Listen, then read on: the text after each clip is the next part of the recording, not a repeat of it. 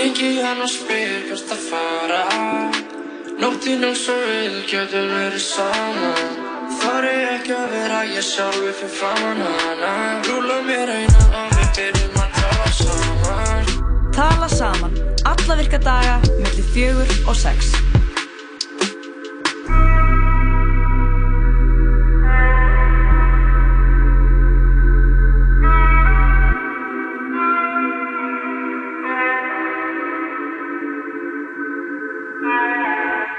Tala saman á þessum uh, fallega fyrstu deg gengið í garð Jón Kristóf og Björk eru með til hlunan 6 í dag, kæri hlustandi Til klukkan 6 í, dag.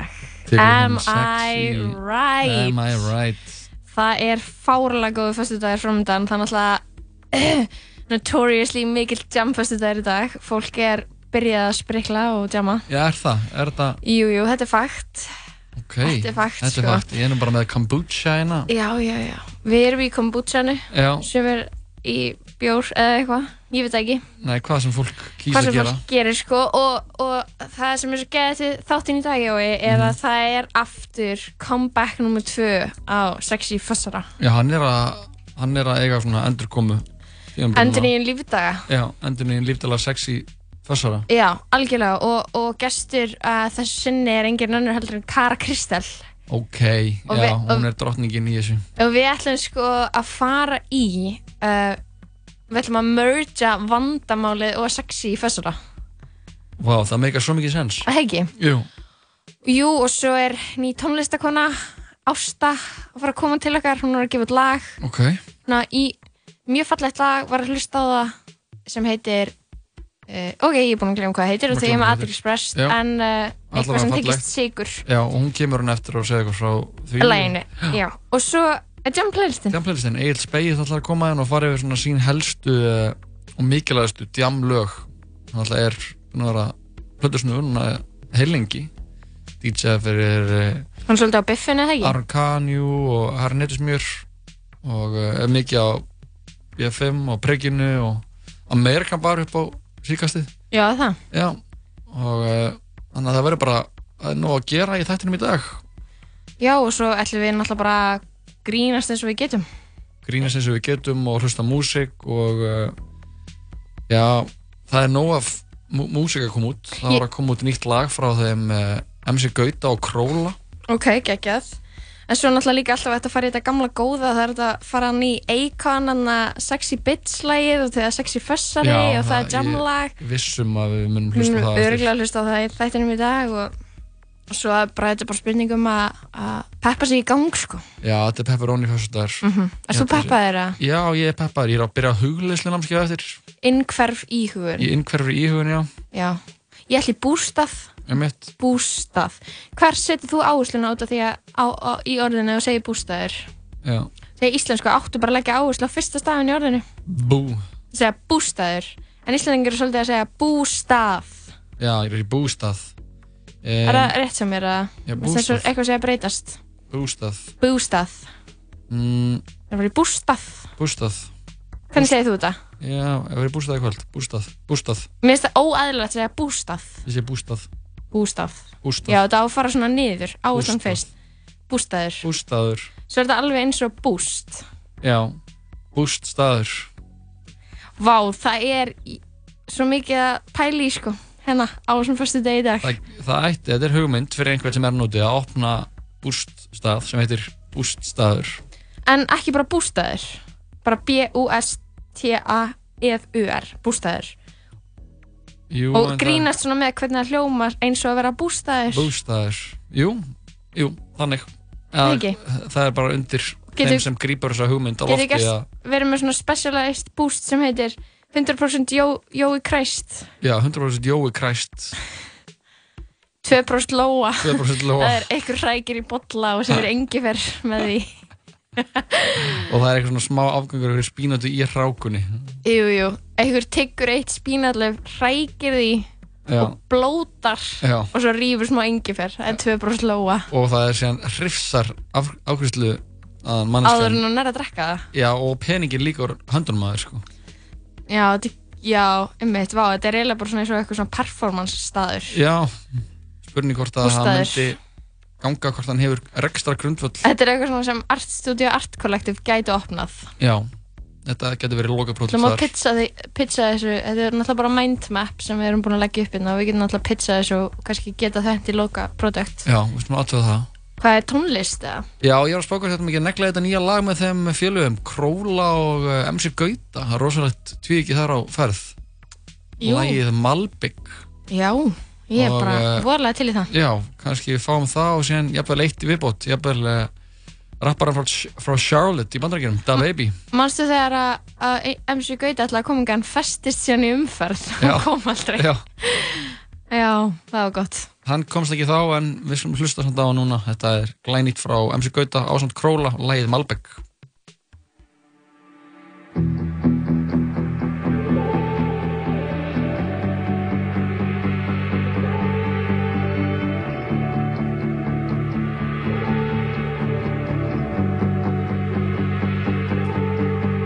situr stað þar sem tíminn líður ekki þó ég veitu vel að vísarnir þið ferðast en að ljósræða í borginu. Í þetta skiptu fórst og ég var eftir í þöggunni þrá ekkert hitt að reyna að eiga smá við þig.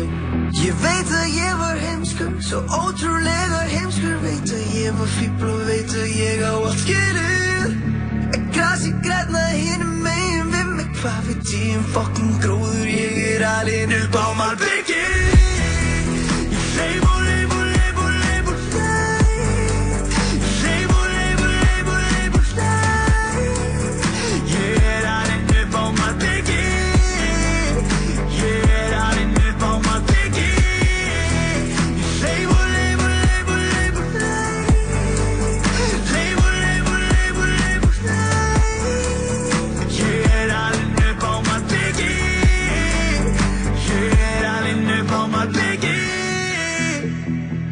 Hleyp og hleyp og hleyp og hleyp og hleyp í burtu frá þér en ég ras alltaf á andlitið.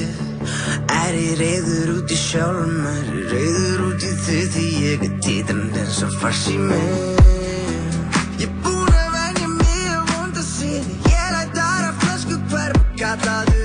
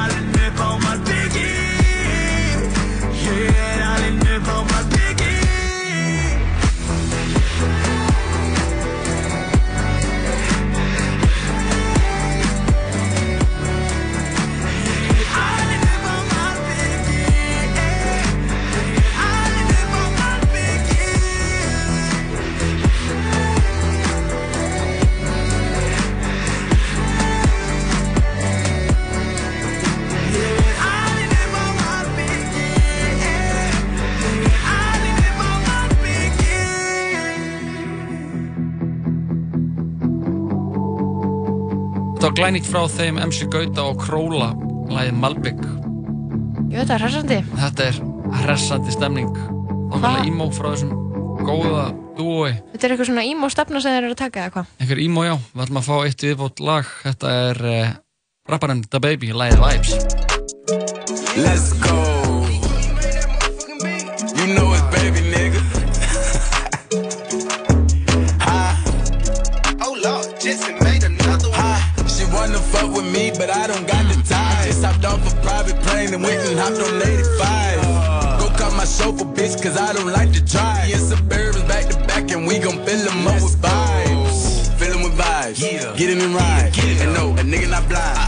The stick and I'm fine. I met a nigga in life. Just fucking with me, say he did and he lied. Got so many stuffed in the car. We can fuck them hoes six at a time. I made them hoes say that nigga so fine. He got the dick, you can feel in your spine. Yeah, that's what they say about baby. You know that them bitches don't play about baby. Baby should go run for president. Look what God did. Took a time with me. Got a red and white hoe like a peppermint. Put the hotel, take the vibes in. She gon' fuck me and fuck with my brethren. My brother them. Having three hoes in the king side. I ain't finished yet. Need another bitch. Got a riding dick and screaming hee haw. Make me proud, girl. You a cowgirl. Did a handstand. I'm like, wow, girl. Got me fucking her upside down. Ooh, ooh, bow, bow. Yeah, we going I'm looking like when? She looking like now. Some came in. Say they wanted two. I tell my brother, bitch, I'm out. I know. She wanna fuck with me, but I don't got the time. Just hopped off a private plane and went and hopped on 85. Go cut my chauffeur, bitch, cause I don't like to drive. Me and Suburbans back to back and we gon' fill them up with vibes. She wanna fuck on me, but I don't got the time. Just hopped off a private plane and went and hopped on 85. Go cut my chauffeur, bitch, cause I don't like to drive. Me and Suburbans back to back and we gon' fill them up with vibes. Let's get on the jet, yeah. Come give me some neck. yeah She ain't picking up,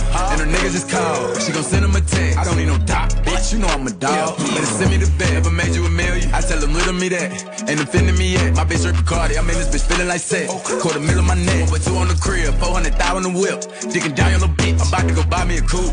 Pull up, make the doors raise the roof. Yeah. Louis V on me for yes, sir. I buy with a pole like a tree. Get enough. Baby Ray Allen from three. Swiss. You leave me open, I shoot. We like Martin and Bam at the hotel. We kicking hoes, I get the boot. Dio catching bodies, they bout it. Yeah. We having new vibes in the lobby. That's wherever we go, ain't no problem. I just told the bitch no, she was child. She wanna fuck with me, but I don't got the time. Just hopped off a private plane and went and hopped on 85. Go cut my chauffeur, bitch, cause I don't like to drive. Me and Suburbans back to back and we gon' fill them up with vibes. Já, þetta var rapparinn The Baby Lay The Vibes af nýjastu plötu kappans uh, Kirk.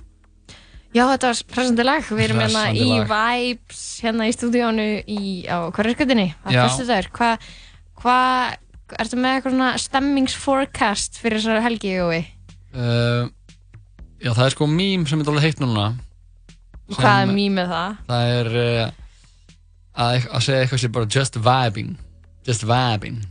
Ok, ok, ok. Og þannig að og það er eitthvað svona, ég sá eitthvað mynda svona tveim úlfum Ok, og fyrir ofan stóð svona inside every person there are two live two wolves. Og síðan sem stóð undir þeim sem var vinstar megin the, the, eitthvað, one of them is vibing. Og sem stóð undir hinnum the other one is vibing. Og sem stóð fyrir það they are literally, literally just vibing.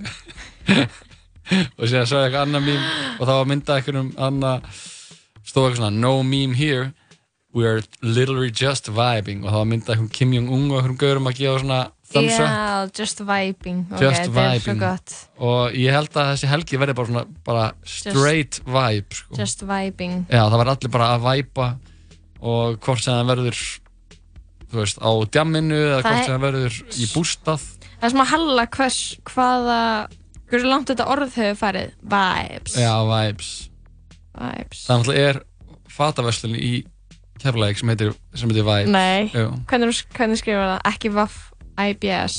uh, jú ég held það Nei, jú eða með setu jafnvel nei. það er annarkort Oh my god, það er til Íslands lag sem heitir Good Vibes Only. já með hvernig með það aftur S-Z-K. Sprite Zero Clan. já emmitt Good Vibes Only. Já maður, hvenær kom vibes Vibes, hvernig var það til? Já, hvenar var það svona poppin? Hvenar byrju, byrjuðu við að segja vibes? Byrjuðu við að segja það? Hvenar byrjuðu við?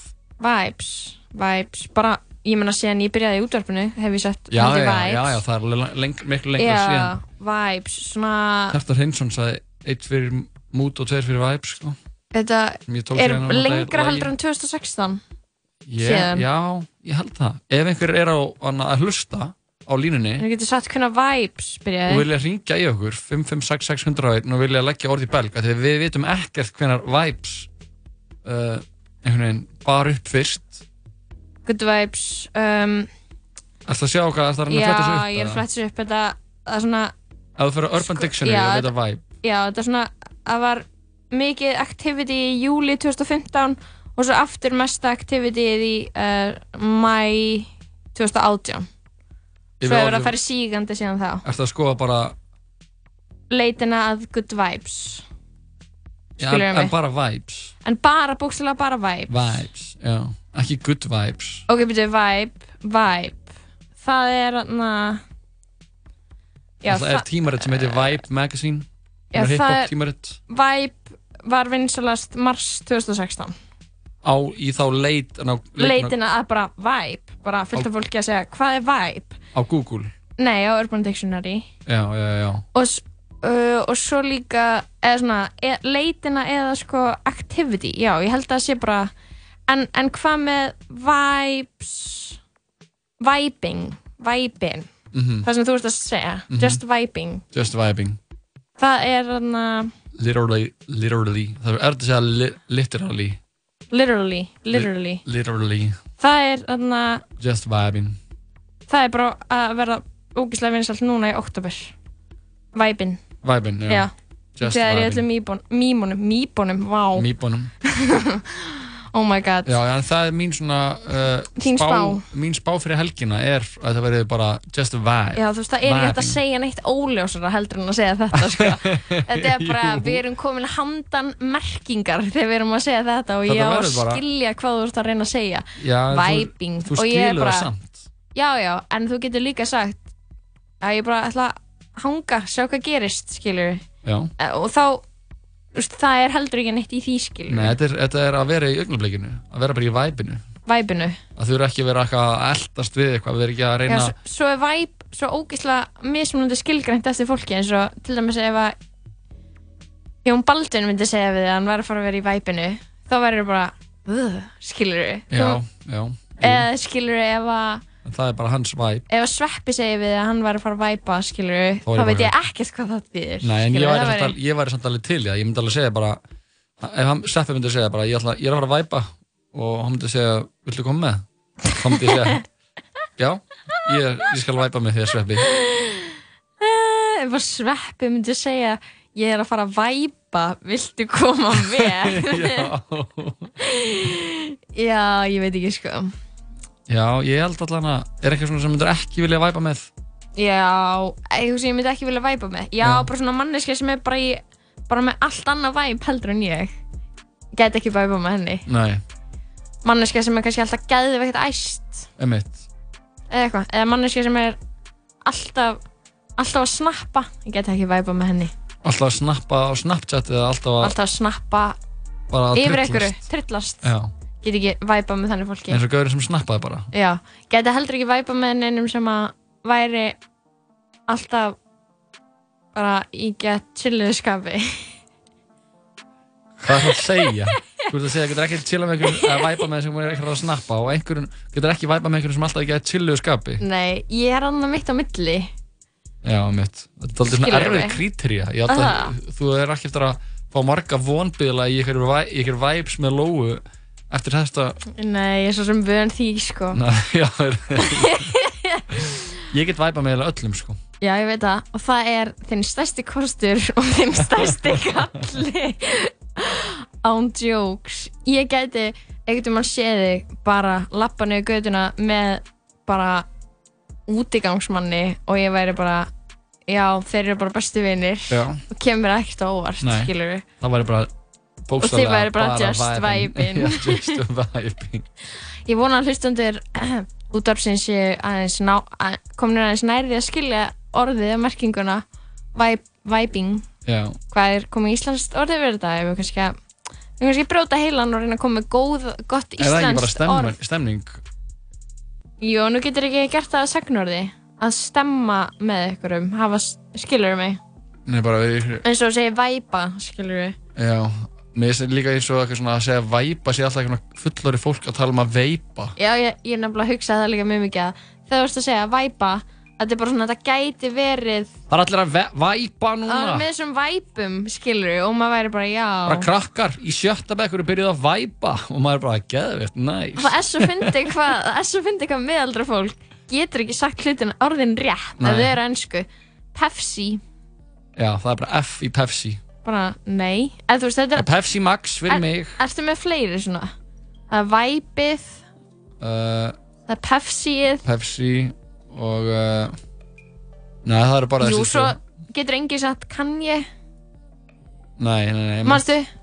Það getur enginn sagt Kardashian heldur rétt. Nei, En, en líka, ef þú ert miðaldra og getur sagt Kardashian rétt, þá ertu með vittlis og forgangsröðun í lífin. Það er einhver á línunni. Já, aðeinslegt. Á þessu, maður sjá. Halló, Halló, Hæ, hvað þú segir ert í beinni á útvarp 101. já, ég gerir mig grein fyrir því. Já, það er gott. Það er gott að heyri ykkur. Já, sem er leiðis. Hvað heitir maðurinn? Takk fyrir. Herru, ég kallaði strákskrætti. Strákskratti? Já, það er maðurinn. Jú, jú, ok. Herru, herru, Já. hafið ekki heyrt gammalt fólk segja, segja silly. Silly? Silly? Já, Silly? þegar þegar það tala um silly. Jú, jú, jú, það er Jú, rétt. það er, þetta er- mjög góð. Það Þetta er svona orð. Er nokkuð Silly. silly í þessu? Já, Eða chilla, þetta- þegar maður er að chilla. Já. silly, já, chilla, Silly pipar. chilla. Strákskratti. Ertu kallaði strákskratti? Já, Hva, hvað ertu gammal? Af, af pappaðinum þegar þú ert út í skúra að hana Að tálka. Já, ég sko, já, já, eiginlega, eitthvað svoleiðis. Ekki beint, já, þú veist, ég veit það ekki. Ég kallaði strákskrætti bara. Hvað ertu gammal? Ég er hundgamall. Ok. Ég er eitthvað eldri en þig. Við erum nú ekki það gömul. Við erum... Hvað ertu gammal? Ég fættur 1990. Ok. Þegar einhver segir 1900, þá heldur við ætlar að stoppa og ekki segja 90. fæddur- Ég fættur 1900. Já. Ég er mjög gamall. Já, við heyrum það. Herru, þannig að. Strákskratti, þetta var bara Þetta- mjög góð viðbót. Silly. takk fyrir þetta, heyrumst. Silly. Bye. Já, takk sem leiðis. Já, sjá, bæ. Já, strákskrattin, hann hringdi inn og bætti þessu orði í belgin. Það er hana, gammalt fólk, sa- það segir, kann ekki, Silly. segja, kann ekki segja chili og segir alltaf chili. chili pipar. Þetta er fárlega Þetta góða er punktur. bókst, bókstæðlega bara Just vibe. vibing. Bara vibing. Herru, fá mér þetta lag. Þetta er uh, Two Chainz, Ty Dolla Sign, Trey Songz og Jane Aiko og lagið heitir It's a Vibe. Yeah. yeah. Whoa. That's a vibe. That's a vibe. Yeah. Uh. That's a vibe. It's a vibe. That's a vibe. Yeah. Uh, yeah. Uh, that's a vibe. Oh, it's a vibe. And that's a vibe. Yeah. That's a vibe. She wanna vibe. That's a vibe. Yeah. Yeah. Yeah. Yeah, that's a vibe. She wanna vibe. That's a vibe. Vibe, yeah, yeah. Late night. Oh, it's a vibe. Let me slide. Oh, it's a vibe, yeah, yeah. Dim the lights. Oh, it's a vibe, yeah. Get high. It's a vibe. Oh, it's a vibe, yeah. It's a vibe. Don't you lie. Your pussy dripping, gushing, dripping down your thighs. It's a vibe. Get high. Digging deep while I'm looking in your eyes. Vibe is the realest. I know you feel it. It's a vibe. Different vibe. It's my vibe, nigga. All the bitches like it. Okay, so I got the ambiance, this where I want it. And if you get paid, it's solely based on your performance. My ego is enormous, like my crib in California. If you ain't got no heart, man, you're gonna need a donor. Now I said I'm from the corner of the ATL. Well, we got that clientele, avoid paper trails. Broke so many bills down that I'm shell shocked. A hell Glock soul rocks by the mailbox. Got a vibe, make a young chick turn the neck. Got a vibe, make a cougar wanna spin a check. Got a vibe, make a Asian wanna you. Got a vibe, make a Italian want Versace. Carbon copies get declined. I'm the pioneer. Beat that pussy up. I need riot gear. Any volunteers? Gas in a zip block. Now that's loud and clear. This one out of here. This is our year. That's a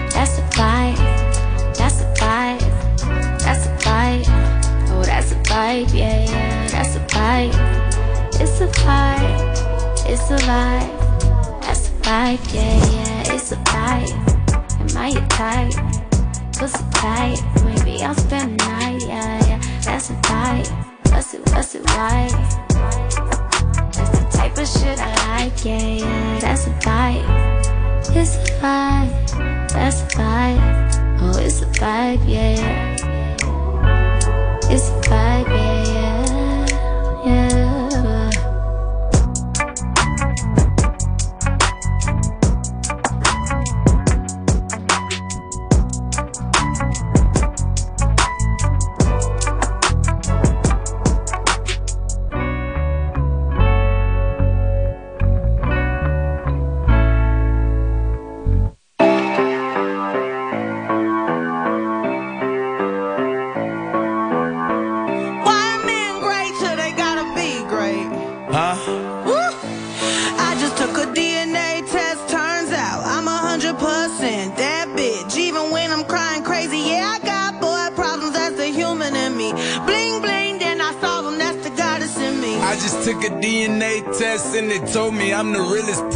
Pretty chocolate nigga out here with some good dick. No cap. And I can have a bitch from Harvard with an eight year degree. I probably still would rather pull up with a hood. Let's go. Uh.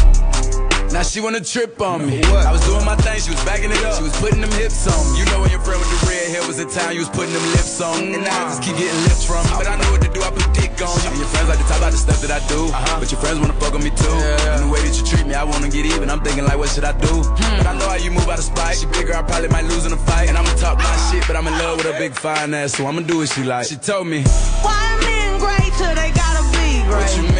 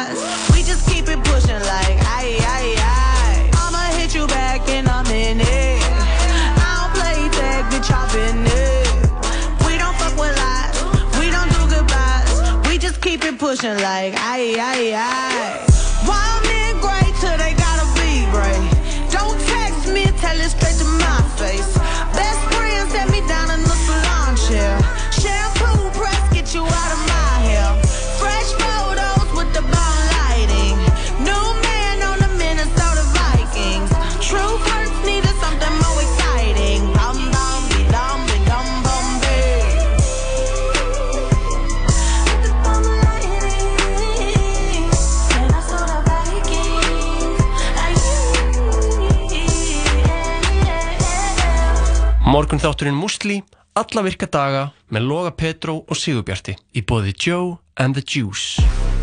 Þryggjastega körfur, pepperoni, grjótarður varnarleikur, piparostur, tæknivillur og jalapeno. Já, Dominós og körfubolti smelt passa saman. Við stundum vaktina í allan vetur í Dominós deildinni. Vertu með Dominós. Framlag Íslands til kvikmyndavæluna Norðurlandaræðus. Hvítur hvítur dagur. Komin í bíó. Hamburgerabúla Tómasar. Nú verða stektir hambúrgarar. Hamburgerabúla Tómasar. Núðlur, núðlur. Kíktu í núðlur. Nings. Þú ert að hlusta á Útvarp 101. Útvarp 101. FM 94.1. Í bytni úr miðbæ Reykjavíkur. Og þeir eru að hlusta að tala saman og það er sexy er Ekki-. Ekki meira niður minna Hann er komin aftur Hann sexy fessarinn. Hann er komin aftur og sko back with a vengeance segjum að það ekki. Hann er komin að Köru Kristel til okkar í hljóðveri Verstu hjertalega velkomin Kara Takk fyrir Ertu í sexy skapi í dag? Verstu Já. alveg hreinskilin? Mm, svona 60% já, 40% nei Ok, ég held að það sé bara fínt Já. Það má ekki vera eitthvað mikið meira Mikið meira getur farið Getur bara verið böndunum, óþægilegt sko. Hvað við væri hérna bara, já ég er í 100% sexy í skapi þá Það er ég væri- bara hættileg sko. Þú verður bara Helgi, Helgi Björns mood bara. Já, það verður bara Já, þá myndu við ábyggla bara þurfa að setja ölsýr í gang og bara Án jokes, ok, við erum sérst, já, við erum búin að endur ekki sexy fössara með smá svona, já, við ætlum að hjálpa hlustundum okkar, sko. Já. Það er ekki, þetta er ekki jafn einfalt fyrir alla og fólk er í veseni og við erum búin að fá einsendar, einsend svona kynlífsráð eða svona vandamál vand, kynlífsvandamál. Já.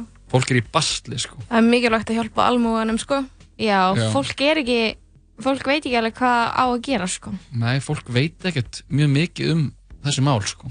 En fólk er bara alveg út á túnni, já, ég myndi segja það hver er þín upplifun, vinið þínir er þeir confused eða allir að vinir lási mínir eru confused út á túnni sko Það ekki? Jú Já, mér finnst það bara Já, að vera kannski tvo sem er það ekki Finnst það er svona stemmingin í þjóðfélaginu fyrst mér Allir eru bara vibing Já, bara einhverju, einhverju væpi Allir hleypandi um allt og veit ekki neitt Emitt, Já, svolítið mikið, bara sko. einhverju bókstaflegu væpi einhverstaðar út á túnni Anna, ertu í fössaraskapi eða?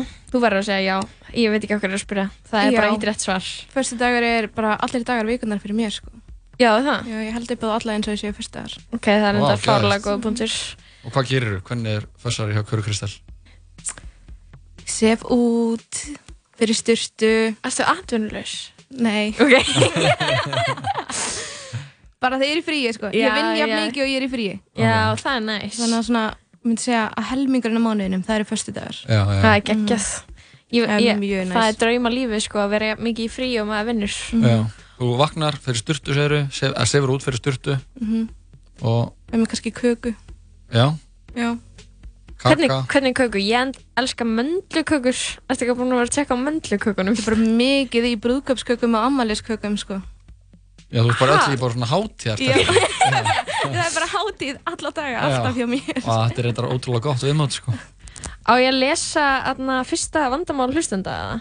Ég Já, ég er þú ógislega til í það þurfir að gera það, sko. Ok, en það barst mér í, í e-maili þið þurfum bara að hafa opinn huga við þessu, ok? Já, já, við erum bara, Má hlæja Já, ég veit samt ekki hvort þið fyndið en ég ætla bara að lesa. Má gráta?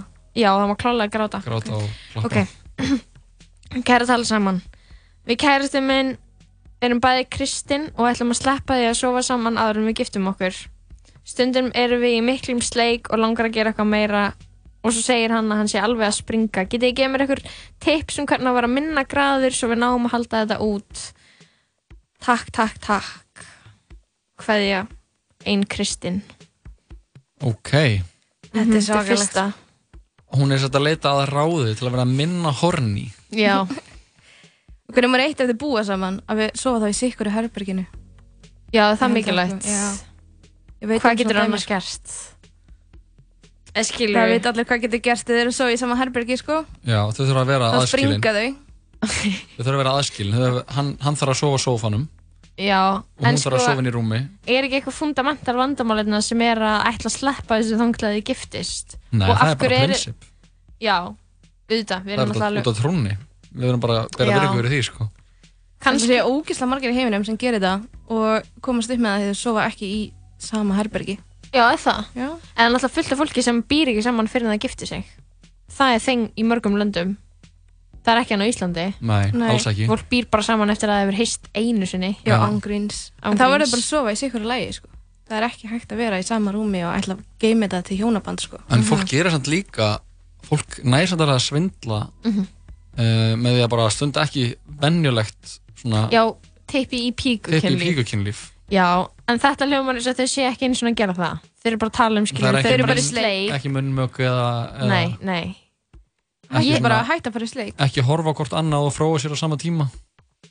Svona það Ég sem kannski segja gerir. þeim að gera það. Segja þeim að gera það bara. Finnst það. Þá sofa í ekki- sikkuru herberginu og taka svona klukkutíma á hverju kvöldi í stofunni að horfa á hvort annað bara. Að fróa sér að bara horfa. Bara fyrir þetta múti Já, ég veit ekki sko. Ég ætla, ég var að hugsa um að eitthvað svona, eitthvað svona mind tricks Eitthvað svona hugsa um að hinn manneskan sé barnanýðingur Ugh, wow, Eða þá, ljót. þá eftir að hjálpa þeim gæðið í þessu. Það er bara að búa til ennþá fleiri og stærri vandamál. Þá verður aldrei hjónaband á endanum uh, Hugsa uh, neikvæðar ógeislegar hugsanir um hinn manneskina já, vá, þetta er áttur að bjarga, bjarga þessu. Bara í staðin fyrir að, þú veist, vera að springa úr ykkur grættu og vera alltaf bara að svona resenta og bara að hata hvort annað. Nei, ég er ekki að segja það, ég er bara að segja skilur að þú veist til þess að slökkva lo lostan, skilur Já, bara verið í sleik og þá er kærastinn hann gæðt, hann segist vera að springa Já og þá var hann bara að byrja að hugsa bara eitthvað, er hún umuleg manneskja. hún- Dillum fokkin ljót Já, bara eitthvað Mhm. svona Ég held að það væri engin eða þú veist, það væri svo mikið skamtíma laust Lóa, heldur þetta að sé En bara gifta sig á morgun og getur riðið Já, mér hreinu, finnst já. það eiginlega bara dæmi, skilur, af hverju eru þið ekki bara búin að gifta ykkur? Skilur, Já, ef þið ætla að býja svona lengi, Já. bara giftið ykkur. Giftið ykkur bara núna Já. Bara bara er systur svona mikið vesen að gifta sig? Nei. Er það auðvelt? Já, þú getur, þú getur gert þetta á mánudaginn sko Þannig að mér langar að giftast ykkur um bara á mánudaginn og geti gert það. Já, þú bara Ég myndir, get alveg giftist þér á mánudaginn, ég er lausi. Já, mér Já. langar að giftast, sko. Bara, þið getur gist bara á bara, mánudaginn já, geðvikt. gert það bara í þættinu, þú getur fengið hingað uh, prest Já, þarf samt, það þarf samt ekki prestinu eða einhvern, einhvern, einhvern fulltrúa uh, Farið til síslimann til hátegismann. Ég væri til að fá formann BDSM Íslands til þess að nýja mig. Já, er það, getur hann gert það? Nei. Þú þarfst að vera með vikslu ég. Já, ok, ok, ok. Byrju, ég ætla bara að lesa næsta vandamál. Ok, við, við Nei, byrju, Jói, þú ert með næsta vandamál. Já, er ég með það? Já, Ok, uh, en lausnin við þessu vandamáli var þá að gifta sig. að gifta sig bara á mánudaginn Já. Og taka hann á síðustu helgina og leifa þessu að uh, marinerast, þessari grettu Og ekki gista saman. ekki gista saman. Mhm. Ok, þá færum við ykkur í næsta vandamál. Hæ, ég er ekki búinn að fara heim með einhverjum nema af djamminu svo lengi og um daginn var Gaur að bjóða mér á date. Hann er edru, ég og hann erum að chatta á Instagram, þetta byrjaði á Tinder innan, innan svega og ég er að skinja það á honum að það væri steikt að mér að vera full á þessu deiti innan svega sem mig langað, gæti langað að gera til að róa töðunar og vera confident queen. Hann hefur samt ekki sagt það beint út en mér langar að vera tillitsum. Getið þið gefið mig einhver tips fyrir það? Að ríða edru í fyrsta skipti. Ég hef bókstæðlega aldrei gert það. Ég veit ekki hvernig ég, já, ég er bara órug og þarf má pepp. Takk fyrir hjálpina, hverja einn stressuðust. Vá, Ok, Þetta hún, er, hún hefur hrikalegt. aldrei, aldrei, riðið etru. nei. Úff. Og hún er að leita einhverjum tipsum. Æ, fyrsta reglan er náttúrulega ekki dæma, ok. Nei, mena, Nei. þetta er bara, þetta er ábyggilega raunveruleiki margra. Að það? Já. Ég hef alveg heyrt um þetta sko. Já. Kringum mig. Já. Kannski ekki akkurat núna, með aldrinum. Nei. En þú veist þegar maður var yngri. Já, fólk var ábyggilega alveg bara að stunda kynlíf bara, Edru. nei, Á bara 13 ára. ölvað Já. alveg fyrstu, kannski Skiptin. árin ábyggilega, ég get alveg trúa ef fólk er ekkert í samband strax Mhm. og fólk er bara eitthvað alltaf að fara heim með einhverjum á djamminu eða heim með einhverju balli Já. þá held ég að þetta sé algengra sem- vandamál Ég held sem margir sem gerur það. Já, ég held að þessi hún uh, vinkun okkar sem er smá stressuð þurfi kannski bara svona smá að hann að læra á sig eða þú veist, smá að finna út hvað, hann, hvað hún fílar, eða ekki? Jú, sleppa þessu deiti og taka smá tíma að kynast sjálfur sér bara þangar til hún komi nóg mikið sjálfstyrðis til að fara á þetta date. Ok. Kannski gaurinn ekki að fara að býða, en þú veist. Kannski það er góða punktur. Já, að bara, eða kannski hún getur líka bara farið í bústað og tekið bara eitthvað svona En kannski er hún að ofhugsa, kannski mun hún ekki vera svona stressuð þegar hún hittir hann, eða skilur við. Já, það er reyndar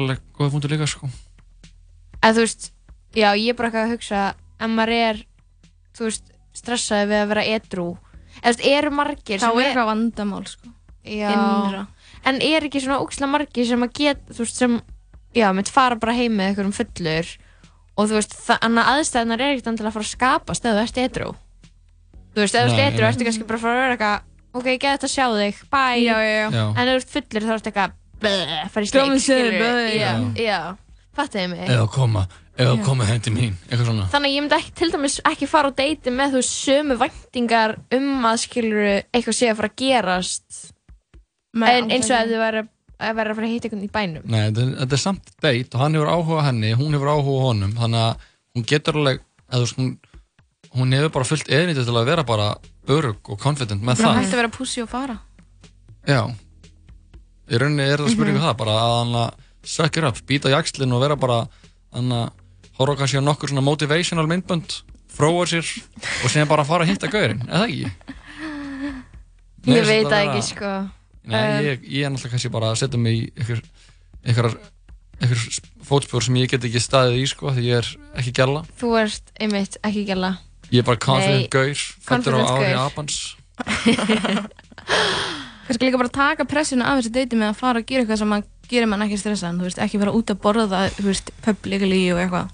Það er svo góð punktur, Ég myndi fara bara út að lappa í náttúrunni. Bara bara að lappa í náttúrunni, bara það- með hundinni eða eitthvað. Mhm. Ég veit ekki, eins og date í bandaríkjunum, þá fer, fólk fer bara date, skilur, kannski þrísar í viku með þreim mismunandi manneskjöfum. eða eitthvað, skilur og er bara gett vant að hitta einhvern í fyrsta skipti og smóltaka og eitthvað Mm, mhm. á Íslandi er allir bara með félagskviða allir nema svona þrýr, allir Já. nema Já. skilur Magnús Skeving og þú veist Birgitta Haugdal og restin er bara með félagskviða þannig að, já, kannski er það bara svona eitthvað ok, höfum fyrsta deitið ógeðslega stutt förum í casual lappitúr eða eitthvað bara, já. Korterslappitúr bara, bara- vassendan eða eitthvað. bara kort er bara, um, bara eins snemma morgun svo hægt er. Mhm. Eða bara fara að kaupa Pæling. ís, ísbíltúr. Já, Það er classic. Það er alltaf gegn sko. Já. Það er bara eitthvað sem er casualt Eitthvað sem er ekki á formal Líka ekki kalla þetta date, af því það sjálft, orðið date getur stressaði geðið mikið upp bara Já. hitta vinn Já, Þú veist, eitthvað svo leiðis Að Bara fara í ísbíltúr eða Já. fara út að labba Við erum- Já, það er voruð að labba Mhm. En bara fara að væpa Já, fara Hei, við erum að koma aftur að því Væpum. Mhm. Ef að væpa saman Ef við að væpa út í náttúrunni í kvöld ok, ok, Ef heim, að væpa á einhverjum veitingastað heimurinn er að fara að vera svo next level flókin ef að þú veist, manneskja að hínu kynni er bara gagstæði kynni eða eitthvað, einhverju kynni er bara eitthvað, ef að væpa og þú veist bara, hvað í fokkanum áttu við, skilur bara einhver eitthvað, að byrja að var gaur að mig um að koma að gera þetta ætla að sé date? En núna er bara búið að bæta við enn einu fokkin flækjustíðinu sem er eitthvað að væpa. Já. er, sem hann- þú hann- engu nær vill hvað hann- þýðir sko Ætla hann vilji væpa með mér Vill hann eitthvað meira heldur en bara væpa? Já. ég, er, ég er ekki að leita henni alvarleg, bara Já. væpa. Já, ég er samt alveg, þú veist, ég á alveg vinni sem ég er svona heyrt að þeir sé að eitthvað með einhverjum stelpum, ég er svona, er, er, er þú eitthvað að tjekka þessari gæla, hann eitthvað, við erum bara eitthvað að væpa Já, segja vinninu þetta. Já. Þetta er cursed. Ándjóks. Þetta er cursed. En þær eru ábygglega líka bara, já, við erum bara eitthvað að væpa Nei. Er það ekki? Ég hef þetta alveg heyrst það sko Hefur svona stelpur twin segja að við erum bara að væpa? Já Sem væpa við einhverjum gaurum Þetta er fullkomið, þetta er, En hvað er er- inn í því að væpa? það er bara að væpa. Akkur verður þetta að vera, ertu þú það er ekki- boomer? Það er bara... Að fara í göngutúr og fara á íspíltúr og þú veist Það er bara basically no strings attached að vera að væpa. En sem getur líka að væpa með einhverjum sem þú elskar að ég búin að að væpa með henni núna í nýju ár Herru, fáum eitt lag Þetta er sjálfsögðu okkar allra besti maður David Guetta og Akon, lagið Sexy Bitch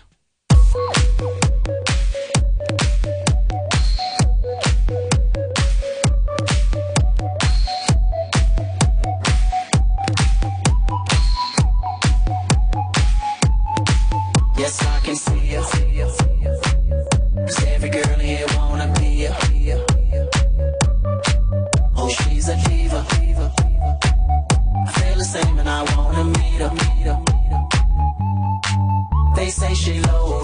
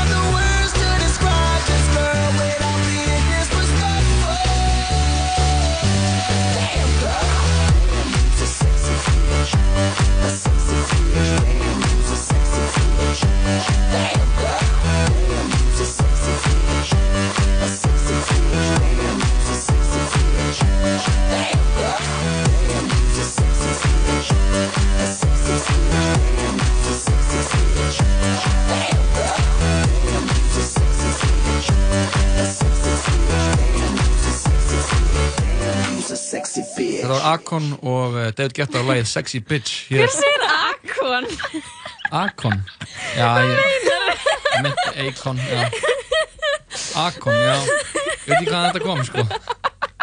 Þetta var greinilega að gera gott mót hérna í hljóðurinu Þú veist að þú sýtið þetta að tala saman. Með Jóhanni Kristóður og Lóa Björk og með okkur í Karl Kristall á Sexy Fössara. Ah, Akon, ég mun lifa á þessu uh, Hver er uppáhalds tónlistamæðurinn? Akon Ég sagði alltaf Akon þegar ég var lítill, sko Þú bara breytir Já, því nú, ok, en það Nei, er þetta er eitthvað, Ei- já, Akon Akon, já. sorry Akon. sorry Jói minn, ég ætlaði ekki alveg að Nei, bara ég, þetta var allt í lagi, sko Eru er ekki með eitthvað eina sexy vandamál sem við ætlum að fara yfir? Eða? Jú, er maður sem heitir Akon sem er að senda inn Þannig að hann er sem sagt með sexy bitch. Nei, ok, herri. í, í sexy fössara, það er svona smá endurvakning á þessum uh, margrómaða lið. Þetta er besti liðurinn sem þið hafið nokkur tíma búið til. Já, Ég held að fólk sé alveg á því sko. Og uh, Karan alltaf er sérfræðingu þáttarins kemur Að hérna sjálfsögðu. og hjálpar okkur að leysa vandamál. Við leystum tvö vandamál en við hlustum á þetta lag með Akoni og David Guetta. Og uh, Lóa Akon er svona eins og ykkur gaur frá reyða fyrir þig Já, Ég veit það ekki, ok, jú, ég er með vandamál. Já, að ég byrja að lesa, eh, ég fekk innsend vandamál, þetta er ekki mitt vandamál. Eða kannski er þetta mitt vandamál. Or is it? Or is it? Um, Hæ, þetta er Lóa. Nei, æ, fuck. Nei, ok, joke. Ha, Það er mjög fyndið. Ha, ha, You're ha a comedian. Já, ok Kæri Lóa og Jói og, og fleiri Ég hef verið með sömu stelpu í fimm ár. Við hefum eitt barn og ég veit að það er ekki sjálfsagt að einn svo kallagi neisti lifi áfram endalaust en ég er að gera mitt besta. Upp á síðkasti hefur hún ekki sínt því mikinn áhuga á að sofa saman og ég er frekar sár og með svona frekar mikla höfnuna tilfinningu. Hún vil hlara þátt og fara svo að sofa stundum hún varla kúra. Eru með eitthvað ráð fyrir mig? Bestu þakkir. hmm. Já, þetta er náttúrulega þetta er barnið? Kom það Vandamál sem margir Nei, bara gljást. sama kærast það í fimm ár. Barnið er ábúinlega einhver staðar þú veist uh, Á því róli Hann Já, ég myndi myndi, segja- myndi að segja þetta að barnið væri bókstæðan nýfætt, skilur við. Nei, Nei, barnið er svona allir barnið tveggja sé á, eitthvað. já, svona tveggja þryggja Mhm. ég myndi að geta trúa því að það sé eitthvað þannig sko, hann þarf náttúrulega bara að, að hann að, þú veist, oft er hann segir að það sé ekki sjálf, sjálfsagt að neistinn lifi, hann þarf bara að ná í startkapluna sko, Já. þetta er þannig dæmi hann þarf að fá start Fara með barnið í pessun Fara með hann í eitthvað sumabústað í tvær vikur Já. Og Vá, bara hvað langur tími. non-stop. ég bara kveikja á Já. þúsund kertum Já. og Kveikja kannski í sumabústanum líka kveikja í sumabústanum og, þannig að- og bara Hvað er það að tala og, og ligg, liggja bara inn í bústanum meðan hann brenn, bara láta svo ekki hann ekki vasrin utan á þau, þannig að þau séu þú veist Bara eldvarin eitthvað kalísi dæmi. Já, bara eldvarin og þau bara liggja bara og bara er að maka sig inn í þessum bústað á meðan hann brennur bara allur og þau liggja bara á Ok, bruna sem rústunum sagt, sem sagt murder suicide kynlíf. Nei, þau eru, þau, eru öll varin með vasilíni vasilín verði ekki fyrir brennandi sumabústaði, Jói. Já, ok, þannig að þau Þau eru ekki bara riðið út í móa og horst á bústæðin brenna Já, Ok. þú veist, það þarf eitthvað, það þarf eitthvað svona sem er Ok, þetta eitthvað svona rosalega anna, Extreme ekstrím, eitthvað öfgafullt að gerast Ok, kæristan sem vil horfa á þátt og svo beint að sofa og varla kúra. Er hún Já. ekki bara búin að missa áhugaðan á honum? Jú, hann þarf það bara að Kannski hætta hún með lessa. henni Hann þarf bara að, Hætta með henni? já, segja bara, herru Anna, annarkvort bara ríðu við eða þetta er búið eða, eða, eða er það á mikið Gefið þið 100.000 krónar gjafabrif í eitthvað kynlífstækjaverslun og sjá hvað hún kaupir Hvort hún kaupir eitthvað sem er bara fyrir sig eða eitthvað sami Emitt, já, Já. Test Þú getur keift náttúrulega svo mikið fyrir 100 ára skall. ekkert það mikið samt Nei. Getur keft svona Nokkra hluti nokkra hluti Já. Það er alveg dýrt, En hvað hún myndi sko. kaupa segir þetta til um hvort hún sé ennþá til í hann eða ekki já Ef myndi bara Er kaupa sér, já, ef myndi Já. bara kaupa sér bara egg og eitthvað tíu dildóa Það var hún basically að segja að fokka er farið út Já. Hvað ætti hún að kaupa fyrir þau bæði? Hefur aldrei farið í svona nuttolíu uh, þú veist, svona Já, cock ring nuttolíu, cock ring. Eitthvað svona, já, handjárn, eitthvað svona búning á annarkort þeirra Svona Þetta er svo skrítið test. ég meina þetta, já, þetta er bara það sem hann þarf að gera hann þarf start er ekki, við erum bara að koma með einhverja tillögur að einhverju sem hann er gert af því hann þarf að ná í startkapluna þetta, eða gerist, gerist ekki að sjálfu sér sko. og hann er ekki búin að vera stunda kynlíf hún fúlsar við Mhm, honum, mhm. hún vil horfa á þátt hún vil valla snertan Mhm. þú veist, hann þarf bara að gera eitthvað drastíst af því að ef þetta heldur svona áfram eða þú veist, þetta getur ekki haldið svona áfram Mhm. annars á hann bara eftir að vera eitthvað svona sjálfsfróunar vél og sambandið bara fjara og þau munum bara alveg bara svona skiljast algjörlega að sko. Hann getur líka búið henni að fara í þrísom og fá, þú veist, bara ykkur tvö kvöld eitt kvöldi auka gælu og hitt kvöldi auka gaur og séð í hvora áttin hún fer Já. Ertu bara, heldur hann þú fyrir eitthvað lesbíutest? Þú veist, ég veit En ekki. ég meina, getur maður ekki, þú veist, mist áhuga okkur þótt maður sé ekki, þú veist, gay? Jú, þú veist, hún þarf ekki endilega lesbía bara ekki með áhuga lengur og vill hann ekki til hvers þá að hangi í þessu sambandi og getur þessum alveg brent hennan bústað Já, um eitt brenna bústæðin, gefa henni 100 áskronar gjafabrif í, í kynlistækjabúð eða gefa henni aðarkost annarkvort er ríðu núna eða þetta er búið og hann lappar burt og skilur Þetta er svo toxic ráð. Og bara einhvern veginn og, bara, og fe, fer bara að finna sér aðra fjölskyldu. Þetta er það sem er í bóði Þetta er besta ráðið. Oh my god. Góð En er fimm ári eitthvað svona, er það eitthvað plateau, skilur, í sambandi? mm, Nei, í rauninni er það held ég sko sjö ár. Sjö ár. En þú veist það er eitthvað svona það er eitt ár Mhm. og síðan er eitthvað svona þrjú jú kannski er fimm ár eitthvað svona plató kannski er það svona, mill, eða svona Ég veit ekki hvernig fólk reynar út þessi, þessar tölur og þessi ár, þú getur bara að skilurðu. googla bara when do people break up Og það er bara ákveðið munstur ég held að það séu alltaf einhver svona ákveðin uh, fjöldi ára Ok. sem það er algengar að það gerist heldur en alla Mhm. bara hann að ef þú googlar þetta bara, hvað kemur upp um, Breakup season Já. Það er alltaf í mars Ó A breakup season Popular 12. desember Vinsalasti dagur ársins til þess að hætta saman Já, ok. Ég trúi þess ekki Já Skamdið Jeps. þunglendi sko en bara að googla how many years bara do relationship last veist, Hvernig er þetta samt dokumentirað? að þetta, ég, ég hef samt, maður hefur bara heyrt um þetta að þetta er, að þú veist, maður hefur séð ég hef séð ekki um tíðina, fólk hættir, hættir í sambandi eftir svona eitt ár og síðan eftir svona þrjú ár og síðan aftur eftir svona sjö sjö ár, þetta er einhvern Mm. veginn svona það er, það, þetta fer í svona ringi einhverja og það er alltaf erfitt að, að vera með einhverja einhverja mjög nána og, og svona áræðanlega tölfræði í þessum málum, þetta er bara það sem ég séð ekki um tíðina sko. Hérna er, hérna er svona væskrein sem segir að, að meðal sambandið á tvítusaldrinum endist í 4,2 ár. 4,2 En það ár. er svona meðaltal. Það er meðaltal, já, emitt. Emmitt Þannig að ég held að hvað sem okkar hana, kæri hlustandi og vinnur er að eh, þú veist, hann þarf að gera, hann þarf að gera eitthvað. Já. Það liggur fyrir. Já, emmitt Annars endur þetta bara, þú veist En er ekki ógeðslega mörg pör sem eru bara eitthvað og ok, er þetta basic að við sofum aldrei saman eða, eða og, og, það, og það skiptir einhver máli eða er þetta eitthvað svona dauðin á sambandinu, skilur við? Nei, nei, það getur, það er alveg eðlilegt að það fari að það, það taki eitthvað svona lægðir við, sko. Aha. En síðan er bara einhvern veginn í höndum þeirra sem er í sambandinu til þess að En sorry, mér finnst það nætti bara að tala við hana um þetta Já, heldur- hljómar og- heldur Það hann er það? boring Er það? Hann væri ekki að senda þetta inn ef að Ekki þú veist það ekki væri tala. Ég held, jú, ég held að Actions hann er að- heldur en words, Já, eða? ég held að hann, sé- ef hann er ekki búinn að gera það gera það, þá þarf hann að gera það en ég held að það væri samt gott mission statement fyrir hann að negla einhverja almennilega einhverjar aðgerðir Já, og síðan þegar þau liggja eftir þetta bara uppgefin bara og bústæðurinn er brunnin og segja bara, herðu, við þurfum að gera þetta oftar. Þetta þurfum að gera alveg anna, eða þetta er búið. Þetta þurfum að gera já, við, við að, nei, hún, bara, hann þarf að leggja bara spilin á borðið og segja bara, hey, hvað viltu gera við þessi spil? Viltu spila eða viltu bara anna, prófa eitthvað annað? Ok, fárlega góða punktur.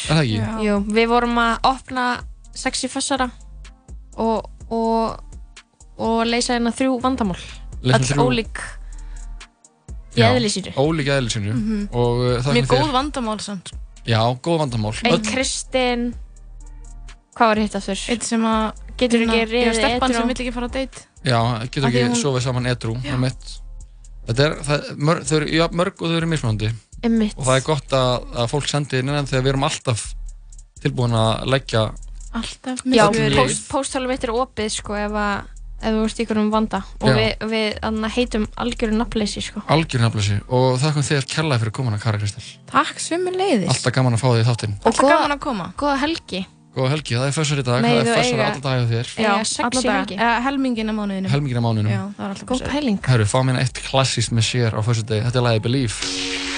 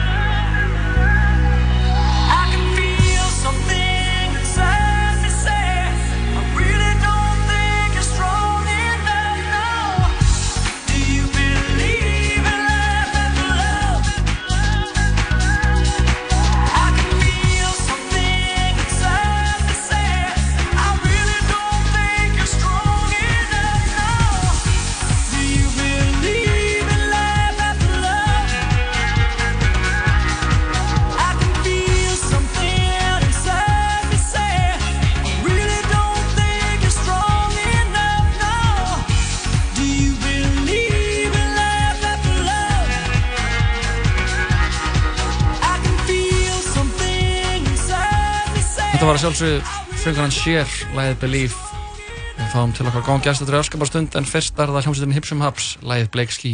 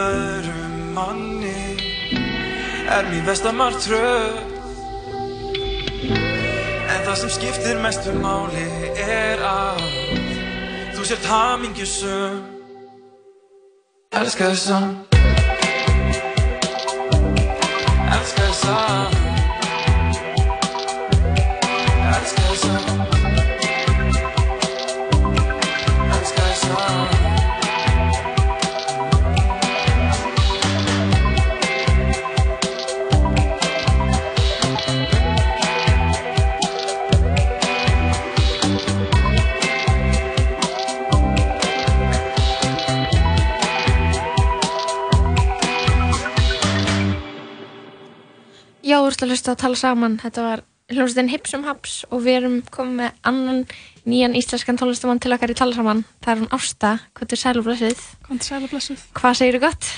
Ég segi allt ljómandi. Já, til hamingjum með lægið Sigurbað. Takk fyrir það. Ganna, getur þú ert að fara ekki út plötuna Sigurbað. Hvernig kemur hún út? Hún kemur út förstu daginn eftir viku, sagt 18. oktober. Ok, ertu bara að gera þetta sjálfu þessi hjá okkur útgáfu, hvernig er þetta hjá þér? Uh, ég er bara að gefa þetta út sjálf. Ég er ekki með þetta útgefandað en eitt svolítið. Er voða mikið bara svona, já, ég gera allt sjálf en auðvitað er ég með fólk í kringum mig sem hjálpar mér mjög Mhm. mikið og ég er mjög þakklátt fyrir það. Mhm. En Mhm. annars bara. Ertu, að, þú ertu bara að gera alla tónlistina sjálf og spila allt sjálf og... Já, þetta, þessi plata er sem sagt, þetta verður að 15 lög sem eru sungin af mér uh, og ég spila á gítar líka Ok. og textar og lög eftir mig. Gætt. Gekkjað. Þú ert nú að vera að gera semmiðin einn tónlist í hvað, einhvern ár núna, eða ekki, segir Jú. Já. En búin að vera að spila tónlist samt frá bara 30 ára aldrei. Já, ég byrjaði þegar ég var 30 ára gömul í, hérna, í Suzuki skólanum í Reykjavík að spila á víóli. Ok, næs. Já. Og hefur haldið við hana eða hvað hva Já, stúnar? já, ég er núna bara starfandi svona frílans víóluleikari um, ásendið að vera sönguna um, og sem sagt ég kláraði núna fyrir einu og hálfu ári þá kláraði ég nám í Kaupmannöfn víólunám í ok. okay. tónlistaráskólanum þar Var næst þar eða? Það var ógislega gaman En- er Kaupan sko En ertu flutt til Íslands eða? Já, Aftur heim? ég flutti til Íslands allavega í byli Já, Ok. En hvernig, hvernig gerir maður svona einn, þú veist, lappar bara inn í eitthvað stúdíó og ert bara eitthvað, má ég taka upp? Uh, Nei, sko, ég tók þátt í músiktilurinnum núna seinast, núna í april Já.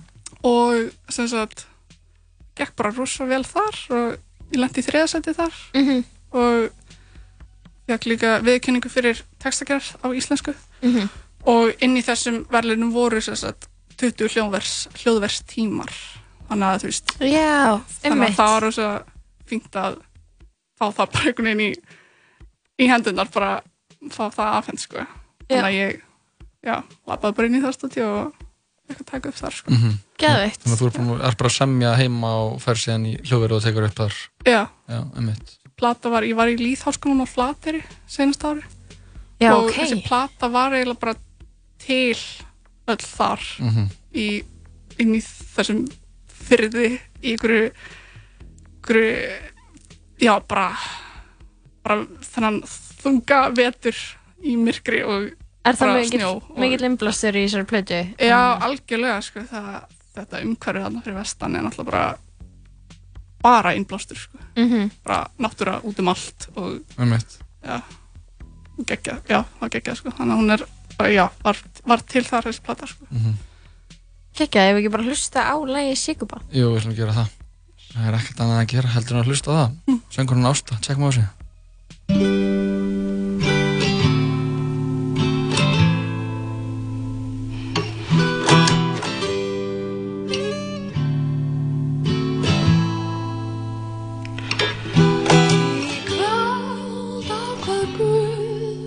Guð að safna sigri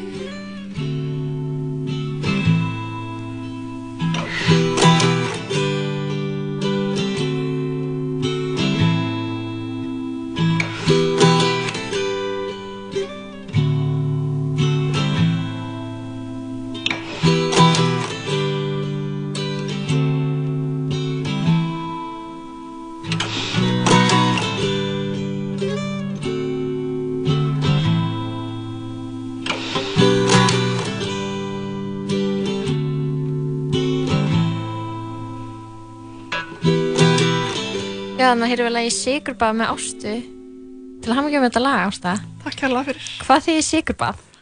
Hvað þýðir sikurbað? Um, Er það snjór eða?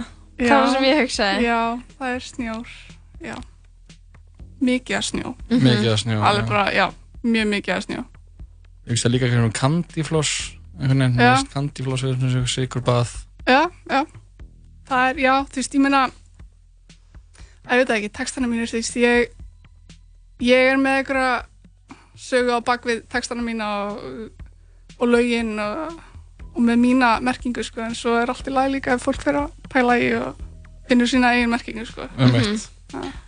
Þannig að þegar þú varst, varst í líðaskóla að líðaskólanum á. Hvern, og varst að semja tónlist þar Já. og er þú veist hafður bara mikinn tíma til þess að vera spá í tónlistinni?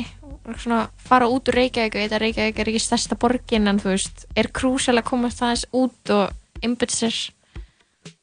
Um, Já, fyrir mig var það allavega mjög gott. Það Mhm. bara svona já, um leið að ég svona luttið þarna vestur þá einhvern veginn bara svona opnaði opnaðist bara einhver svona hurð Mhm. og bara svona einhver sköpuna kraftur bara svona flætti út einhvern veginn Mhm. bara við að fara þarna og vera í kyrðinni og ronni og svona og já, maður hafði alveg mikið tíma til að gera sína hluti og já, fyrir mig að pæla í tónlist og svoleið sko Mhm. Gæðut Já, En það er að koma að plata, föstudaginn 18. Föstu dagarinn 18. oktober, já. Það er bara næstu viku Það er bara næstu viku. Það er bara mikið pepp Ætlar að er vera með eitthvað útgáfu, ætlar að halda eitthvað viðbörð eða verður þetta bara svona Mm, vera sko, Já, hún var gefin út núna fyrstu daginn. Ég er að fara að spila á Airwaves. Já, ok. Núna í byrjun november. Já. Ég verð Geggjað. þar og bara endilega komið þáka. Já. Ef, ef þið viljið. Um, en annars held ég að ég verði með síðbúna útgáðu tónleika. Mhm. Kannski í desember rétt fyrir jóla eða eitthvað. Ertu að spila í fyrst skipta Airwaves núna í ár? Já. Já, geðið til hamingju. Takk fyrir það. Það er það ekki svona sami útgáðutónleikar? Svona semi, jú, jú, jú. Svo held ég haldi svona eitthvað svona sjálf, einhvern tímann aðeins setna. Mhm. En það var rókslega gaman, spilaður við, slaka mikið til. Mælum bara um allir með að tjekki á hvað þið hafa verið í desember þegar þú heldur það þeirra á Airwaves og síðan á, á ástu á Spotify Sigur Bað Yes. Takk fyrir komuna. Takk hérlega fyrir mig.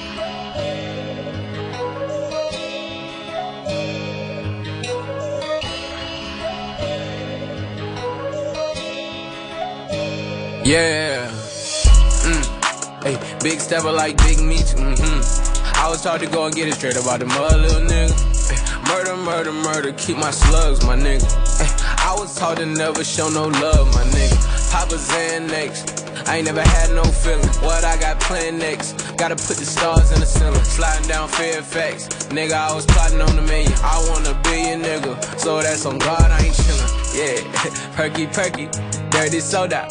Hey, only talk bags on the Motorola. Hey, push the Hellcat like a old Corolla. Hey, I'ma let these rags talk for me, nigga. Bitch, and I ride with the shooters. Hey, made my cousin a killer. And at 15, I was neighborhood drug dealer. I'm so cold hearted, I can't show no love, nigga. But I fucked that bitch to party next door, Persian rugs, nigga. Bought a brand new AP, it was 50,000 total. It felt like the flu game when I sold out the Nova. I had to finesse and get the bag, I had mad dodo. If he ain't tryna go get the safe, I get it cracking solo. Mm. Hey, big stepper like big meat. Mm-hmm. I was taught to go and get it straight about the mud, little nigga. Murder, murder, murder, keep my slugs, my nigga. I was taught to never show no love, my nigga. Papa Xanax. I ain't never had no feeling. What I got planned next? Gotta put the stars in the ceiling. Sliding down Fairfax. Nigga, I was plotting on the million. I want a billion, nigga. So that's on God, I ain't chillin'. Bird Vision Band Camp. Had a bad bitch put a hundred thousand in a spandex. The hundred that made me a million, I got it laminated. Can't fuck with none of these broke niggas, they contaminated. Thank God for all of these blue faces, I barely done made it. Made 40,000 on New Year's, took a private to Vegas. I've been on promethazine so long, when I'm sliding, I'm faded. I've been trying to get a crib so long, now I got it, it's gated. I've been touching all these millions, I know they gon' hate it. My chef cook up filet mignon, got sauce in and ate it. Nigga, I've been ballin' every season like Kobe with eight. All these niggas gon' hate. I stayed down and got rich, now I'm fucking on this little baby. Mm. Hey, big stepper like big meat. Mm-hmm. I was taught to go and get it straight about the mud, little nigga. Murder, murder, murder, keep my slugs, my nigga.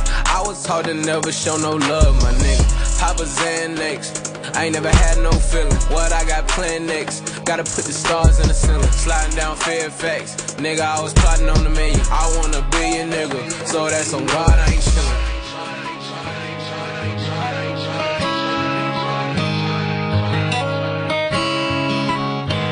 Þetta er rapparinn Roddy Rich Nýtt lag frá honum heitir Big Stepper Næst að fara okkur yfir í glænýtt lag sem er uh, remix af uh, þemalægin úr þáttunum Succession uh, sem er að gera það virkilega gott bæði Hérlendis og Vestanhafs eru síndir á stöð 2 og framleitir af HBO og uh, þættinir fjalla svona um valdamarka fjölskyldur sem á sem á fjölmiðla fyrirtæki og er svona conglomerate, svona mm. -hmm. risa fyrirtæki það er byggt svona lauslega á Murdoch fjölskyldinni og fleirum svona stórum Já. viðskipta jöfrum Og eru þau ekki eitthvað svona ógeðslega rík og lifa eitthvað crazy lífstíl? Mm, Já, þannig aðalega bara hvað þau eru eitthvað dysfunctional sem fjölskylda sem er eitthvað áhugavert sko. Ok. Og, Og- ert þú að tengja við eitthvað karakter að? Ég er tengið við marga karakterana sko. þetta, er, þetta er bara, ég mæli bara með að allir horfa á þennan þátt hann tók við uh, tímanum sem Game of Thrones var síndur á klöfun nýju á Aha. sundarskvöldum á HBO Já. og uh, rapparinn Pusha T hann var einhvern veginn að sína þemalæginu og svona þessum þemum smá uh, aðtekli á netinu og sem droppaði bara í dag remix, hann var að gera remix af þemalæginu úr Succession Það er mjög fyndið. Já, ég held að þetta bara að tjekka því If you love me, please don't judge me. Got my hands tied, the power's above me. Don't shoot the messenger. I'm just a puppet here. If you wanna place blame, then look to the puppeteer. Family, fortune, envy, jealousy, privilege, passed on, legacy, secret, sabotage, borderline, felony, suicide, subtract, selfish, pedigree. When the love's gone and the hate's there, better watch out, cause it's hate fear. And your family ain't your family, and your legacy is just a name there. In your mother's eyes, it's a blank stare, but your father's picking who remains here. It's a power struggle, it's a tug of war that's amongst the kids, and it ain't fair. Yeah. Who gon' stop the pain? Who gon' block the dream? Who gon' stop the shame? We are not the same. Walking a tightrope, ain't a lifeboat, nope.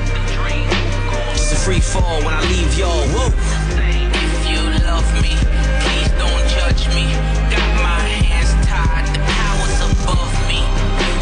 Bloodline was not chosen. Ooh, this bank account is not frozen. This thing of ours is not broken. What's understood is not spoken. If you love me, please don't judge me. Don't judge me.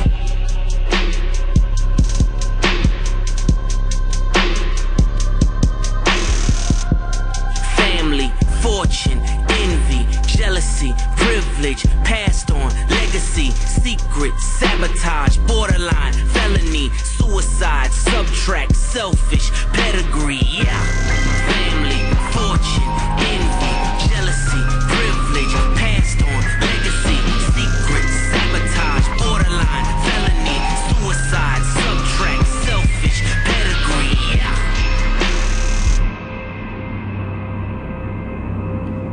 Þetta var rapparinn Pusha T.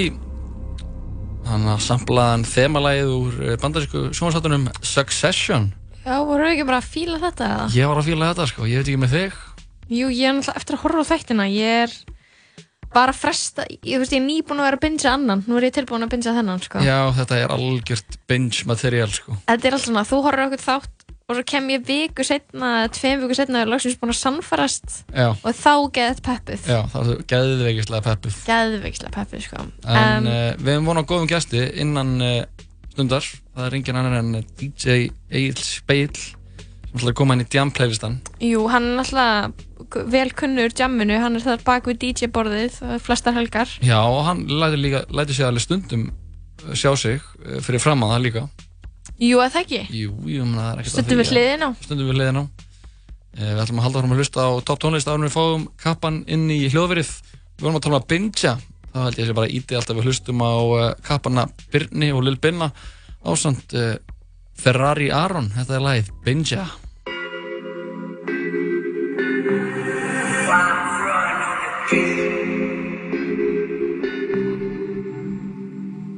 Binda, finda, flakka milli mynda Mynda, viltu horfa og reyna að finna Finna, ekki fyrir blinda, blinda Binda, binda, binda, binda Binda, binda, binda, binda Binda, binda, binda, binda Binda, binda, binda, binda Lítið skvat upp í rúm að bindja.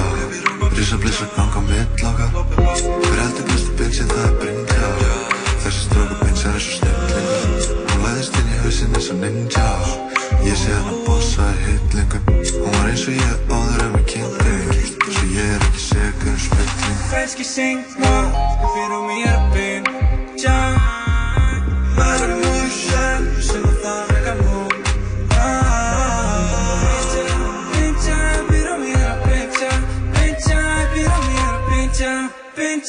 Byrja, fyrir mig er að byrja Byrja, fyrir mig er að byrja Byrja, byrja, byrja, byrja Byrja, byrja,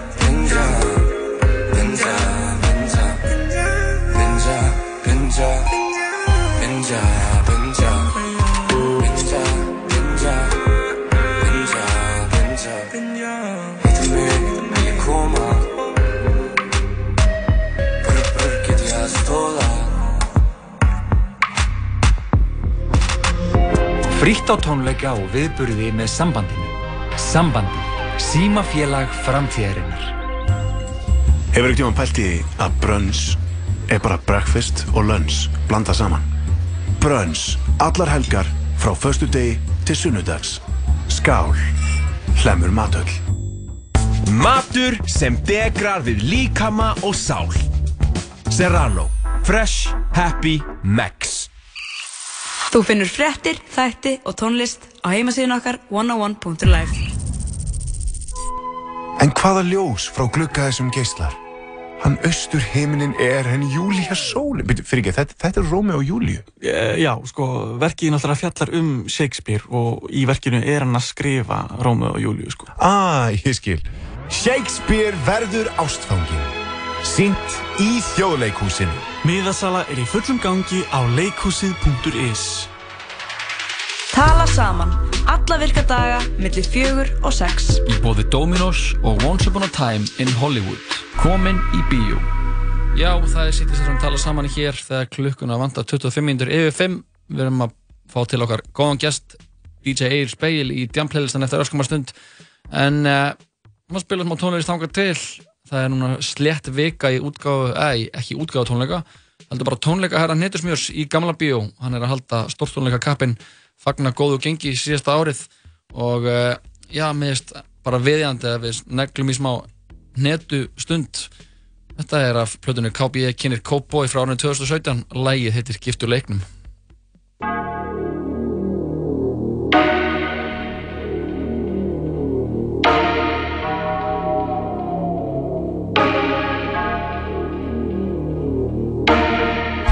Svo giftur leiknum, ég tek aldrei hringin Á mér, búinn að grænda, koma mér á staðinn Það sem allir vilja reyna að taka sæti.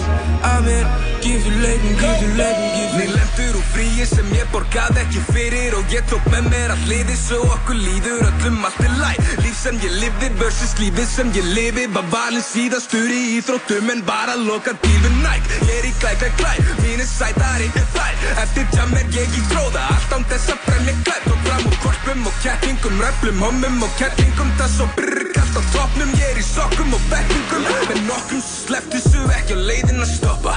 Ég með nokkrum að fokka sem gangi skrokka á Jordans Við fljúum söður og bóginn send ykkur norður og niður. Ég vakna alla mótna og ég byrð fyrir mínum. Settum seglið og dekki, við erum á leiðin og sjó. Ég þarf að dodja sér haf með jur Arnur rukka fjór sjó Ég lappandi korona, þið eru fakkar og mjórama Ég er með fætturna á jörðin á þess að skýta át sólana. Þeir tala stórt á netinu en ég veit vel ekki ná Þú ert kennara, launum getur ekki kent mér um það. Ég er hættur á þarna flöskur, ég opna bara hann reikning. Gling, ég var að fá greittinn, gling, ég var að fá greittinn. Já, þetta var Hernendis mjög lagið Giftur leiknum. Það að negli eitt lag með hnettunni til efna tónleikunum sem hann er að halda í gamla bíu eftir slétta viku. Svo mikið pepp. Svo mikið pepp, þetta er af uh, næstu plötu sem kom út á eftir KB kynir Cowboy sem síðast að lag var af það var sjálfsögðu KB kynir Hetjan úr hverfinu sem kom út 2018 þetta var reysa plata og uh, hans besta verk uh, hinga til ef ég mætti segja sjálfur frá. Uh, þetta er ásand rapparunum eða söngvarunum, danska sjarmanum Hugin lagið heitir Einn enn. Einn enn fyrir gengið. Einn enn fyrir leikinn Einn fyrir teimið Einn fyrir gengið. Einn fyrir gengið. Einn fyrir leikinn. Einn fyrir teimið Einn fyrir Cowboys Þeir vilja ræða hver er bestur En vilja ekki ræða veldur Ég tek ekki þátt í þessu samræðum. Þú sást mig kominga í þessu mm, Herra kominga og kæru? Herra kominga með pappis boka sælum Herra kominga með gengi hvað hjálstu Herra haga sér eins í öllum hverfum? Það er alveg saman hvert ég fer. Út um allt að reppa sama postnúmer Út á land að sækja bókan og opna með. Engin veit ekki hver fokkin stjórn er. Mm, Hver í fokkanum er þú út Bara kom og klipp í guða fari í húflúr Lítið drengur ætti að flexa þessi manni Ég græði meirinn allir hérna bara stóri Eitt nefn fyrir gengin Eitt nefn fyrir leikin Eitt nefn fyrir teimin Eitt nefn fyrir gengin Eitt nefn fyrir gengin Eitt nefn fyrir leikin Eitt nefn fyrir teimin Eitt nefn fyrir gengin Segist af að séu mér á sviði.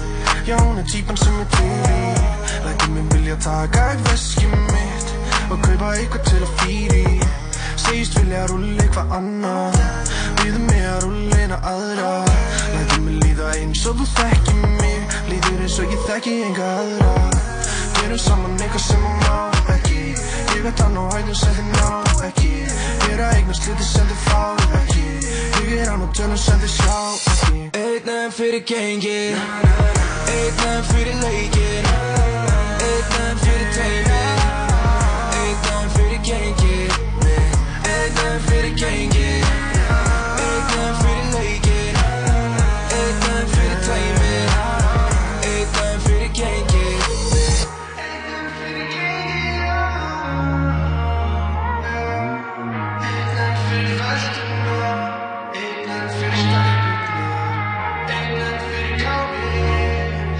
Einn er fyrir KB, sagði huginn að þessu lagi. Þetta er hann ásand Herra Netursmjör, lagið 1N af plötunni KB kynir heitanum körnu frá árinu 2018. Og til að vera komin DJ-n hans, Herra Netursmjörs, en hann er ekki bara DJ-n hans, hann DJ-ði fyrir marga og DJ-n er í bæ og er bara einn af okkar fremstu DJ-n. Egil Speill er mættir í hljóðveri, verður velkomin. Já, takk fyrir það, takk fyrir bóðið, gaman að vera hérna. Já, þú er aldrei komið áður yngvað, eða? Nei, þetta er mitt fyrst skipti, algjör heiður. Þetta er náttúrulega bara löngu, long overdue, eins og ég segja. Það, mætti, það er kannski sumir að segja það. Það er sumir að segja það, sko. Hvernig hefur hefur þetta? að senda message og... Já, fólk er búið að senda message og fólk er búið að trillast yfir þessu. Egil, takk fyrir þú aldrei í one-on-one útarpinu þegar fólk að senda mér á fulli. Og ég segi bara, þú er að tala við, bara jó og lóðu. Já, þú er bara, fólk verða að senda okkur þessi skilabóð, ekki vera að Ekki vera að bögga viðmælendunum bögga viðmælendur okkur. Þið, þið verða að láta okkur vita þessu og þá getum við gengið í máli. við- Ég hef ekkert um þetta að segja, sko. Nei, við við erum Ekki við erum ekki að blamera þig, við erum bara að blamera hlustundur okkar. Hvað er þarna eil, eða ég segja speil, hvað er planið um helgina? Herðu, ég, hérna, ég er að spila á B5 annarkvöld. Mm. Er það, það er svona vanulegt helgaplan hjá þér? Já, Já. kíkja B5 Mhm. og hérna, svo er ég líka að spila eitthvað með honum Flóna í kvöld Já. Ok. á einhvern góðgerða tónleikum, sagðan Já. og já, það er næs Ég held að hann var í útlöndum. Uh, Eða nei, er hann bara að gera eitthvað útlandalegt á Instagram? já, alltaf Já. Haldandi á einhverju grænu skilti, Já, ég hann var held að hann væri hérna- tífóli í Danmörku. hann var með hérna Pickle Rick Pickle Já, Rick. sem er að hérna, Patti hafi smíðað þetta fyrir sig Hver er Patti? Já, vinnur hans. Patti já, vinur hans. Já. Hann er komið með Pickle Rick, stó, það er bara flott. Já, það er bara glæsild að vera með Pickle Rick. Mér finnst mjög fallið að Patta að hafa bara smíðað eitt stykki Pickle Rick Já. handa bara vinnu sinum því kom bara. nú einu svona hingað í jambleilistan. Já. Já, hann myndi aldrei svona einsleitan lagalista. Það var bara þrjú Young Thug lög. Það er er eina sem hann beðið mig um að spila á brygginu kannski hefur hann bara ekki heyrt aðra tónlist Kannski hefur hann ekki hert aðra tónlist Það er fínt að vera með uppáhalds. Erst þú með uppáhalds? Já, mér, þú veist sé bara uh, Drake og Mhm. Lil Uzi Vert Já, það er svona uppáhaldið Já, þeir eru svona minnst þeir gera skemmtlistu tónlistina Mhm. Já, En spilar það mikið á, á B5 eða? uh, Ekki Lil Uzi Vert en Drake Já. alveg mjög mikið Lil. Uzi Vert er meira á brygginu hann er meira á prekinu. Mhm, mhm. Hvað er búin að vera DJ-að lengi núna? uh, Þau eru koma í sjö ár maður. 2012 í MH Var Byrjaði. fyrsta DJ-gigið þitt á köruboltamótunni MH? Nei, það var reyndar rétt fyrir það Rétt fyrir það það, var ok. okay. tískusýningunni Tískusýningunni. Þú og Logi voru þarna með Einmitt. línunni Já, við vorum með hann að Hönnuðu þið fött Já, í MH? já. Úr hverju? Hvað efni? Uh, eða þú veist við hann að endurrunnum flíkur. Hvernig? Hvað gerðu þið við þær? Við bara eitthvað... Saumuðu þið? Uh, já, nei, við rifum meira svona af og síðan teiknuðum við á þau og máluðum þau. Voru ekki svona Ok, okay, gat í svo- gerurvörtunum og Jú, þetta var alveg, þetta var kinky sko. Pómó? Já, þetta var mjög pómó sko. Ok, love. Ok, já, en það- síðan við DJ-um nefnilega saman sko, við áttum back-to-back set á körfbóltamótunni MH. Þú Það veist, var- 2000 og... það hefur 2012 2012, já. þú verður útskrifast eða ekki Já, jú, emmitt. þinn senasti gjörningur í MH Minn síðastu gjörg, já, það var illa lið, ég var farin að Hvað spila... varst að gera? Ég var að spila Kindin Einar og það voru eitthvað aðri gauðra sem Þú voru... hefur verið svo mikill prakkari alltaf Já. hérna æfi. það voru eitthvað aðri gæðar sem voru ekki að keppa körubólta mútið MH sem voru þannig hliðina og líka að spila og þeir komu svona og veltu þannig monitornum á hliðina bara hægt að spila kindin einar sem var ógeðslega fyndið sko Já. En varstu komið með viðnafni Egil Speil þá eða? Nei, það var eiginlega fyrir að ég byrjaði að vinna á prikinu. Hvað er speill? Akkur er speill? Uh, bara rýmaði. Það Ok. var eitthvað, byrjaði að vinna á prikinu og byrjaði fólk að kalla með þetta. Mhm. Ég veit ekki hvort það myndi á góðan eða slæman átt. Mm Skiptur yngur máli svo sem Ekki núna, nei. Nei. Sjáðu hver ég er núna. ha. Já, þú er bara komin hingað í til Yeah. okkar. Já, ha. Look at me now. En hérna, já, svo bara, þú veist, það voru Helga Vala og Helga Rakel og Jeff voru alltaf að kalla með þetta. Já. Svo hérna er Jeff bókaði mig og sett hann bara á plakatið, sko. Já, bara Egil Speil. Já. Ég var alltaf að nota hana Egil með jóði sem heit á Instagram Emmitt og en hann vildi ekkert skrifa það sko Nei, hann tók það ekki mál sem er bara, ég er bara mjög þakkláttur honum sko Já. það hefur verið steikt Já, Egil Speil, þetta er bara catching up sko Já, Ef að eh, spila fyrsta lagið af jump playlistamni Já, þú ert komin í damplaylistan og fyrir hlustundu þáttarins, ef þið eruð ekki komið á hreint núna Þá bara gleymið er- þessu að þið muni Nei, einhvern tíma að fatta Þá konceptið. ætla ég að útskýra þetta fyrir ykkur í enni títi Í Jamplaylistunum fáum við til okkar uh, Jammara. DJ, já. Jammara og DJ Mhm. uh, sem kom með þrjú svona essential lög fyrir jammið. Og það er mismöndi hvernig fólk að raða þeim upp. Uh, sumir hafa sett það í tímaröð sumir kom með því algjörlega handháskent Sem er koma í svona throwback múti Já, einmitt. Útskriftafærðin, eitthvað þannig. Þannig að það er í rauninni bara mismunandi.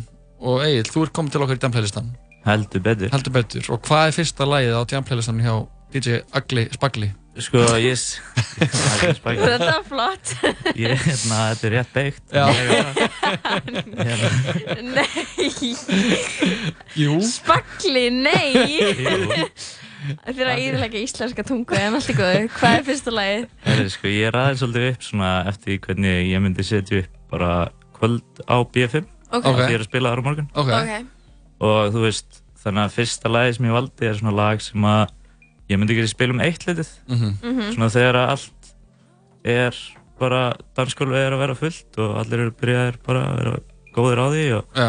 þá svona vil maður keira dansskólu í gang Já, nákvæmlega, alltaf kickstarta þig, setja svona start. Þann, já, þannig að ég valdi lagi keirum þetta í gang. Já.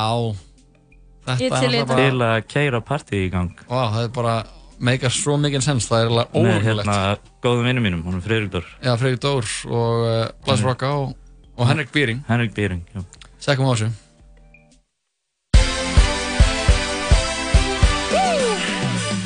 Come on. Bitu, bitu, mamma var að ringja og hún er að digga þetta ég sagði keirum mitt í gang. Henrik Keirum mitt í gang. Frikki Dól Keirum mitt í gang. Flashwalk Allir saman hér. Keirum mitt í on. Keirum mitt í gang, keirum mitt í gang, förum bráðum downtown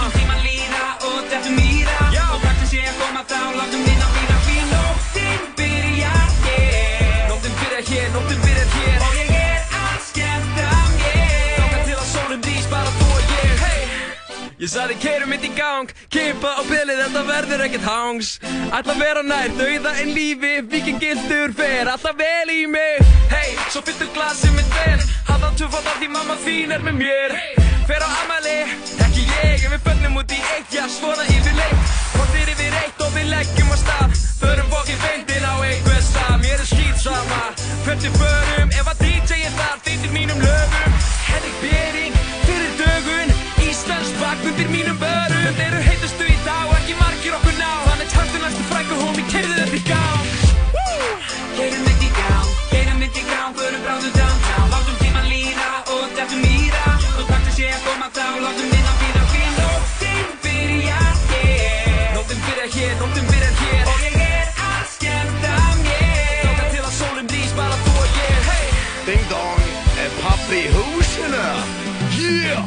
Ég er einmitt taka munn og halunum til að hafa hvað að tala um. Það er engin vafa um að það er hafana með safanum. Var í samböndum áður.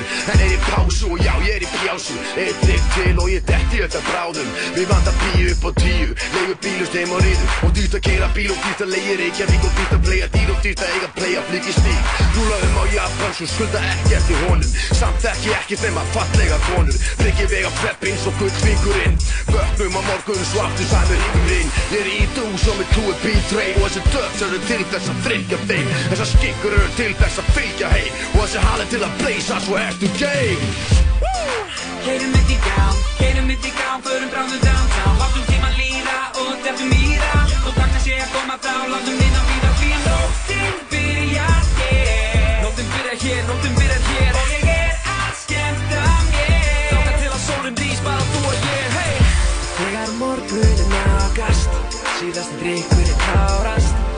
Stöndum hlið við hlið. Fyrir ekki við hvað ég á við. Mér hefur lengi langað. Að fara með þig þangað. Þú veist hvað ég vil. Og ég veit þú er til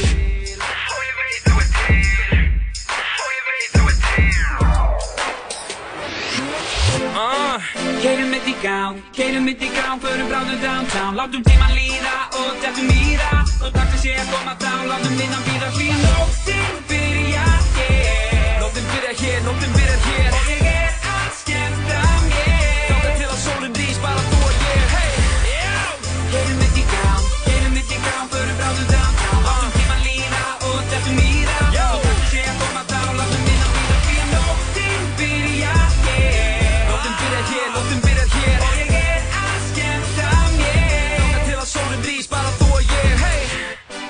Status Það er kannski einn ógeðslu hala að núti sem er ekki að digga þetta. En fyrir hvern einasta hala sem er ekki að digga þetta Það voru 80 fokkja frængur sem slára punkt Svo hvernig fokk getur við sem að hlusta Ég veit hvern þið er að hlusta Við gerðum að fokkin aftur.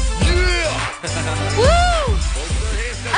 Já, þetta var sjálfsög Blasroka, Freki Dóur og Henrik Býring lægið Keirum þetta í gang, Já, fyrsta lægið á já. Djamplaylistanum hjá DJ Agli Spagli. Spegili Nei, maður segir ekki.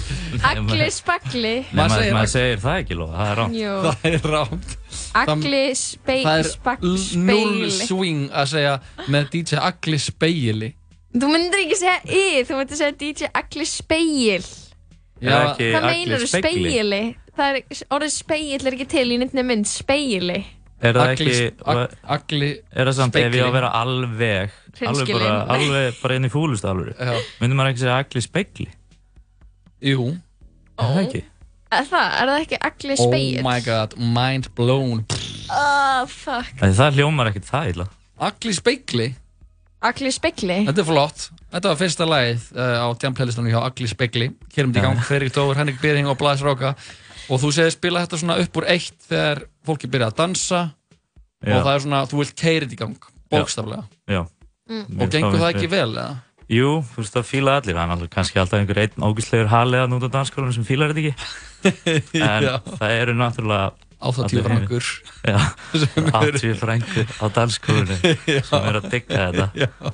Dans ekki stelpur meira eldur en strákar á BFM Gauðar sem fara á. BFM kunna ekki að dansa Sorry. Mér finnst stelpur almennt skemmt þessi betur Já. Já, Þær ég, eru- þegar ég fer á BFM, ég fer ekki ofta á BFM eins og á hverju þannig bláu tungli Þegar Pickle Rick kemur á skiltið Á skiltið. þá, hana, þá fer ég á BFM og Já. mað, ég horfi bara á gaurarna sem eru þar og þeir eru bara svona þú veist, það er, ok, ég ætla ekki að alhafa en það eru, það eru frávik sem sanna regluna en gaurar almenntana eru bara svona að horfa í kringu sig horfa á gælunar, horfa á aðra gaurar og eru bara svona mm, er bara svona finnst, ég, ég er að hugsa svona akkur er þeir ekki kominir út að skemmta sér, þú veist, með gæsalöpum? Nei, það er, nei, það er lítilega ekki út fyrir það sko. mm.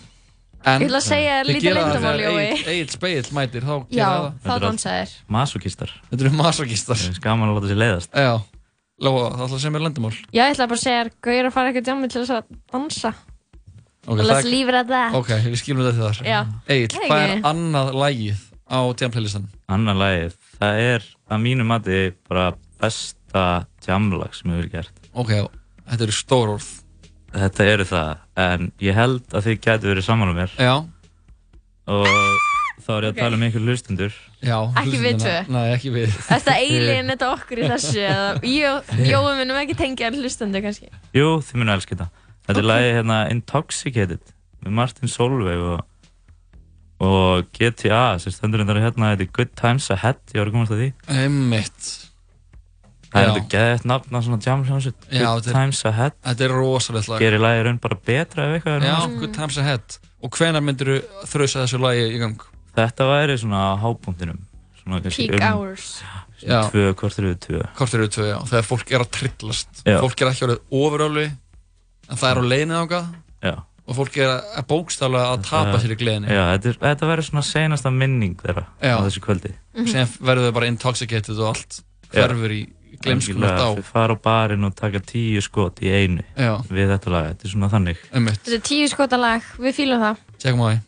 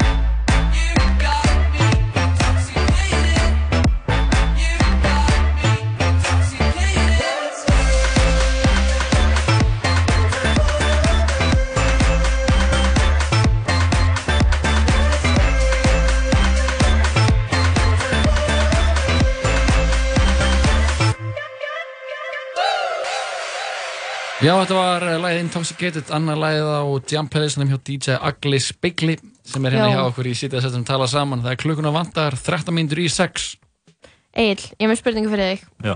Hva, hvenær mætiru, það er að DJ, hvenær mætiru í vinnuna? Uh, ég mæti, þú veist, ég byrja 12 þannig ég mættur kannski svona 20 minnur í Mhm. fyrir stilla upp og svona Hvað gerist fyrir 12 á skemmtist að áður en að DJ-in kemur? uh, bara fólk uh, að fyrir náttúrulega eftir skemmtistanum sko en fólk er svolítið bara, þú veist sitja og Svolítið í sig já, með einn bjór Og er bara engin tónlist, bara þögg? Jú, það er alltaf playlist í gangi bara barnum, eða ekki? Jú Mhm. uh, Hvað segir fyrir 12 eða fyrir, Já, já, fyrir fyrir 12, 12, Já, já. já, já, það er alltaf, þú veist, þessu trúbador BFM oft á já. er bara annar DJ á endan Já, mitt. uh, Ég mæti alltaf seint þegar DJ Alltaf því er að Mætir seint Vinnuna? eftir þú átt að mæta? Já, alltaf því ég á að byrja klukkan 12 þá er ég alltaf bara heima bara, er að koma út úr húsi klukkan 12 Já, já, já. Svo, Þú byrjar aldrei kl- á slæðinu 12. nei, ég þakka sér ekki að er gera, eitthvað því, það er það ekki sko Gerir það líka hérna í útvarpinu eða? Já, við Eh. byrjum stundum 5, hálf 6. við erum á milli 4 og 6. Æ, uh, Nei, ég hef nú verið frekar uh, góður með að vera enn á réttum tíma en einu sinni þá var ég alltaf að vera enn í morgunútvarpinu með honum Árinu Má Árinu Móla og hann kom uh, 40 myndum á seint. Þannig að ég var bara hérna einn í 40 myndur um morgun, bara eitthvað já, það er þetta er morgunútvarpinu músli og klukkan er uh, tímundur við sjö. Ég það er svo erfitt einn. að tala við sjálf og sig, sko. en ég, ég hafði allir smá gaman að því sko. Þið gera það svolítið fáralega vel á bylgjunni. Já, emmitt Það er alltaf bara ein manneskja þar. Já. En er hún ekki með eitthvað svona texta fyrir fram að segja að lesa frettir að... Nei, að einhverju leiti en síðan er hún líka bara að, að Tala út í loftið. já, bara bladra sko Já. Siggi lög, alltaf einn bara já. bara bladra Jeps. út í uh, bara út í bylgjunar blaður út í eitt bókstæðlega bara vibing hann er í raun, þú veist, ekkert að segja neitt sko. heldur Nei. er hann bara að tala Já. og tala og það er kunst sko og tala og þú veist, fólki er alltaf bara að býða eftir innihaldinu Mhm. en kemur það, hver veit Nei, þú veist, þetta er bara, hann, þetta er bara kunst sko. Þetta er, þetta er verður færni að geta gert þetta sko. Já, og einn daginn vonandi munum við geta verið hérna. Já, ég held að ég sé komið svona 30% með þetta. Ég get stundum bara talað á hans að segja. Eins og áðan voru við að tala um vibing. Já. þá voru við að tala um ekki neitt sko. hefur geta gert þetta einn um, Já, ég var með mónulög um daginn í Já. improv. Já, reyndar. Ég en nóg um Já, það. skiptir ekki máli. Nóg um það Egil, það er komið að síðasta læginu á Jam playlistanum hjá DJ Agli Spegli. Já, og það er nú ekki að verri endanum. Nei. Það er hérna lagi My Type með hérna Saweetie Sweetie. Ah, með Saweetie. Saweetie. Uh, Lagið My Type. Já, Já. Mér finnst það er svona geggja að henda því á svona hálf fjögur, fjögur. Já, er það fyrir gælunar eða? Uh, já, bara fyrir allt, þú veist Fyrir fólki sem er ennþá á svæðinu Bara. Graða fólki graða en- Ég get ekki hugsað um þetta graða örvendingafólk sem er ennþá á skemmtistanum á klúbnum, Já. klukkan fjögur. Má ég spyrja einu, Egil, svona loka spurning, DJ spurning Hvað er, hefur einhvern veginn fengið eitthvað fáránlegt request sem ert bara svona hver heldur að ég sé? Svona, eða ekki, ok, Já. kannski ekki hver heldur að ég sé heldur bara svona af hverju myndi ég spila þetta, skilur Já, ég alveg fæ alveg marg oft sko, alveg bara ótrúlegustu Eitthvað sem mannst eftir óskulegin, já, þú veist uh, bara núna þar senustu helgi þá kom einhver hópur af svona færtugum austur-evróskum mönnum Mhm. inn á Amerikanbar Mhm. og voru alltaf að koma í sikkur lægi að Mhm. byggja mig um bara einhver pólsk eða rúmensk eða eitthvað, ég veit ekki hvað landið voru frá Mhm. það var alltaf með einhverju svona rúsneskum stöfum að þú byggja mig um þetta. Já, þú ert ekki með lyklaborð í þetta. Nei, ég er ekki, ég er ekki með liklaborð í það sko. bara fyrir geðu vinnu, ég er hreinlega ekki með liklaborðið Já, þú veist, þeir kom alltaf á sikkurum tíma með sikkort, ég sá alltaf að voru sikkur í stafinu sko. og ég vissi ekkert hvað það var. Og þeir heldu áfram svona alveg í 40 mínútur. Og hann, veist ég, áreiti sko. Já, eða þú veist það er, er það. Já, En uh, við ætlum negla í þetta lag Egil, það var glæsilegt að fá þig Já. Í Jam playlistan gaman að vera hérna Og uh, við, uh, já, við mm -hmm. komum inn aftur og þakka fyrir okkur síðan En það ekki? jú, gerð það En við þakkum þér Egil fyrir og óskuðu góðra helgar já. Og bara happy DJing Já Hennessy on my lips, take a little sip, privacy on the door, I'ma make this shit work.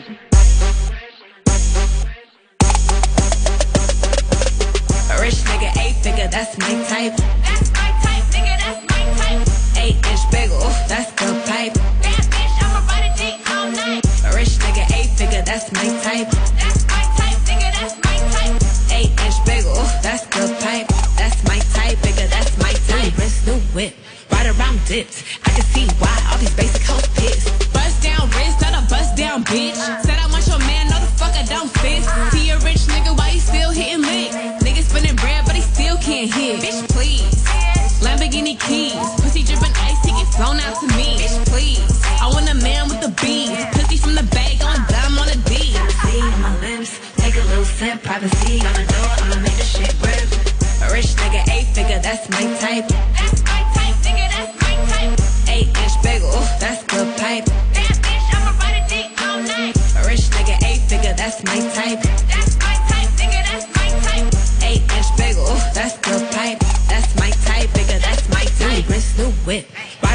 it.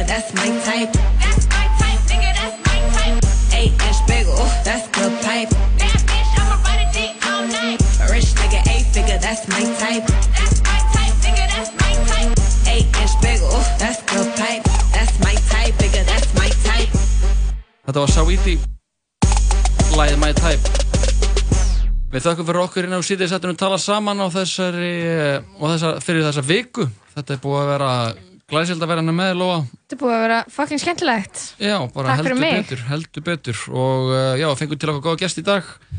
Uh, Söngunan Ásta kom hérna, DJ Eid Speil var í tjampleilastanum og Kara Kristel, Kristel. farsana. Risa fössari hjá okkur. Við þakkum fyrir okkur í dag og þessa vikuna og skum ykkur góðra helgar kæru hlustendur. Endum þetta á Byrni og Lil Binna. Þetta er Mm. lagið, besti minn. Mér vantar ekki stelpu til að ríða. Mér vantar stelpu til að njóta ásta með. Ég er ekki þekktu fyrir að býða Hún heyrir í mér og hún reykir eina fría. Hún er fara út, ég er koma inn. Hlöggur kemur til mín, besti minn. Hún á tvíburi systur og það eru twins. Réttu með tvöfald vatn, ég er alltaf að sækja wins. Engi fóldrar, baby girl var fóstubad Hún hattar á mig því að ég er alltaf að rosta hana Hún gaf mér hálsinn, postasaft Hún leið mér taka minn, sagði ekki postasaft Hún er fríkja Það er eitthvað sem hún gerir sem að fær mig til að vilja meira Fríkja Hvíslaði maður hluti sem ég vildi heyra hana segja Það mig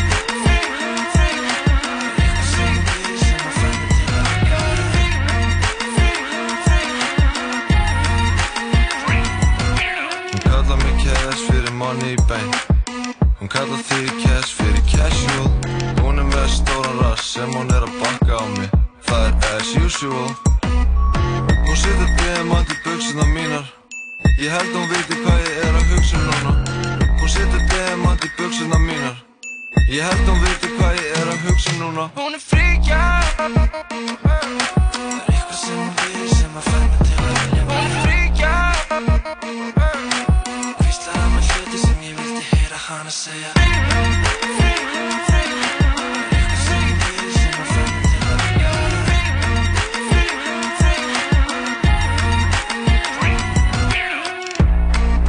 Hvað erstu, ég er að leita þér? Velkomin í klubbin, ég á heima hér. Hún kann að dansa svo ég þóra verð nú lein og sér. Ég fíla margir svo það er ekki bara ein á mér. Það koma bad gæli til mín Ég er harfi, ég býð ekki upp á búðin Það koma bad gæli til mín Eitthvað weird shit, sitt hana í búnin Ég er með vatn og marga klaka Double cup, ég spotta hana inn á klubnum Sangjadöf, hún fíla líka vini mína Club, og ég veiði það svo mikið? Ég ætla að koma mér, ætla að chilla. Ég er bara leaves in the stream of creation núna sko. The wind has me now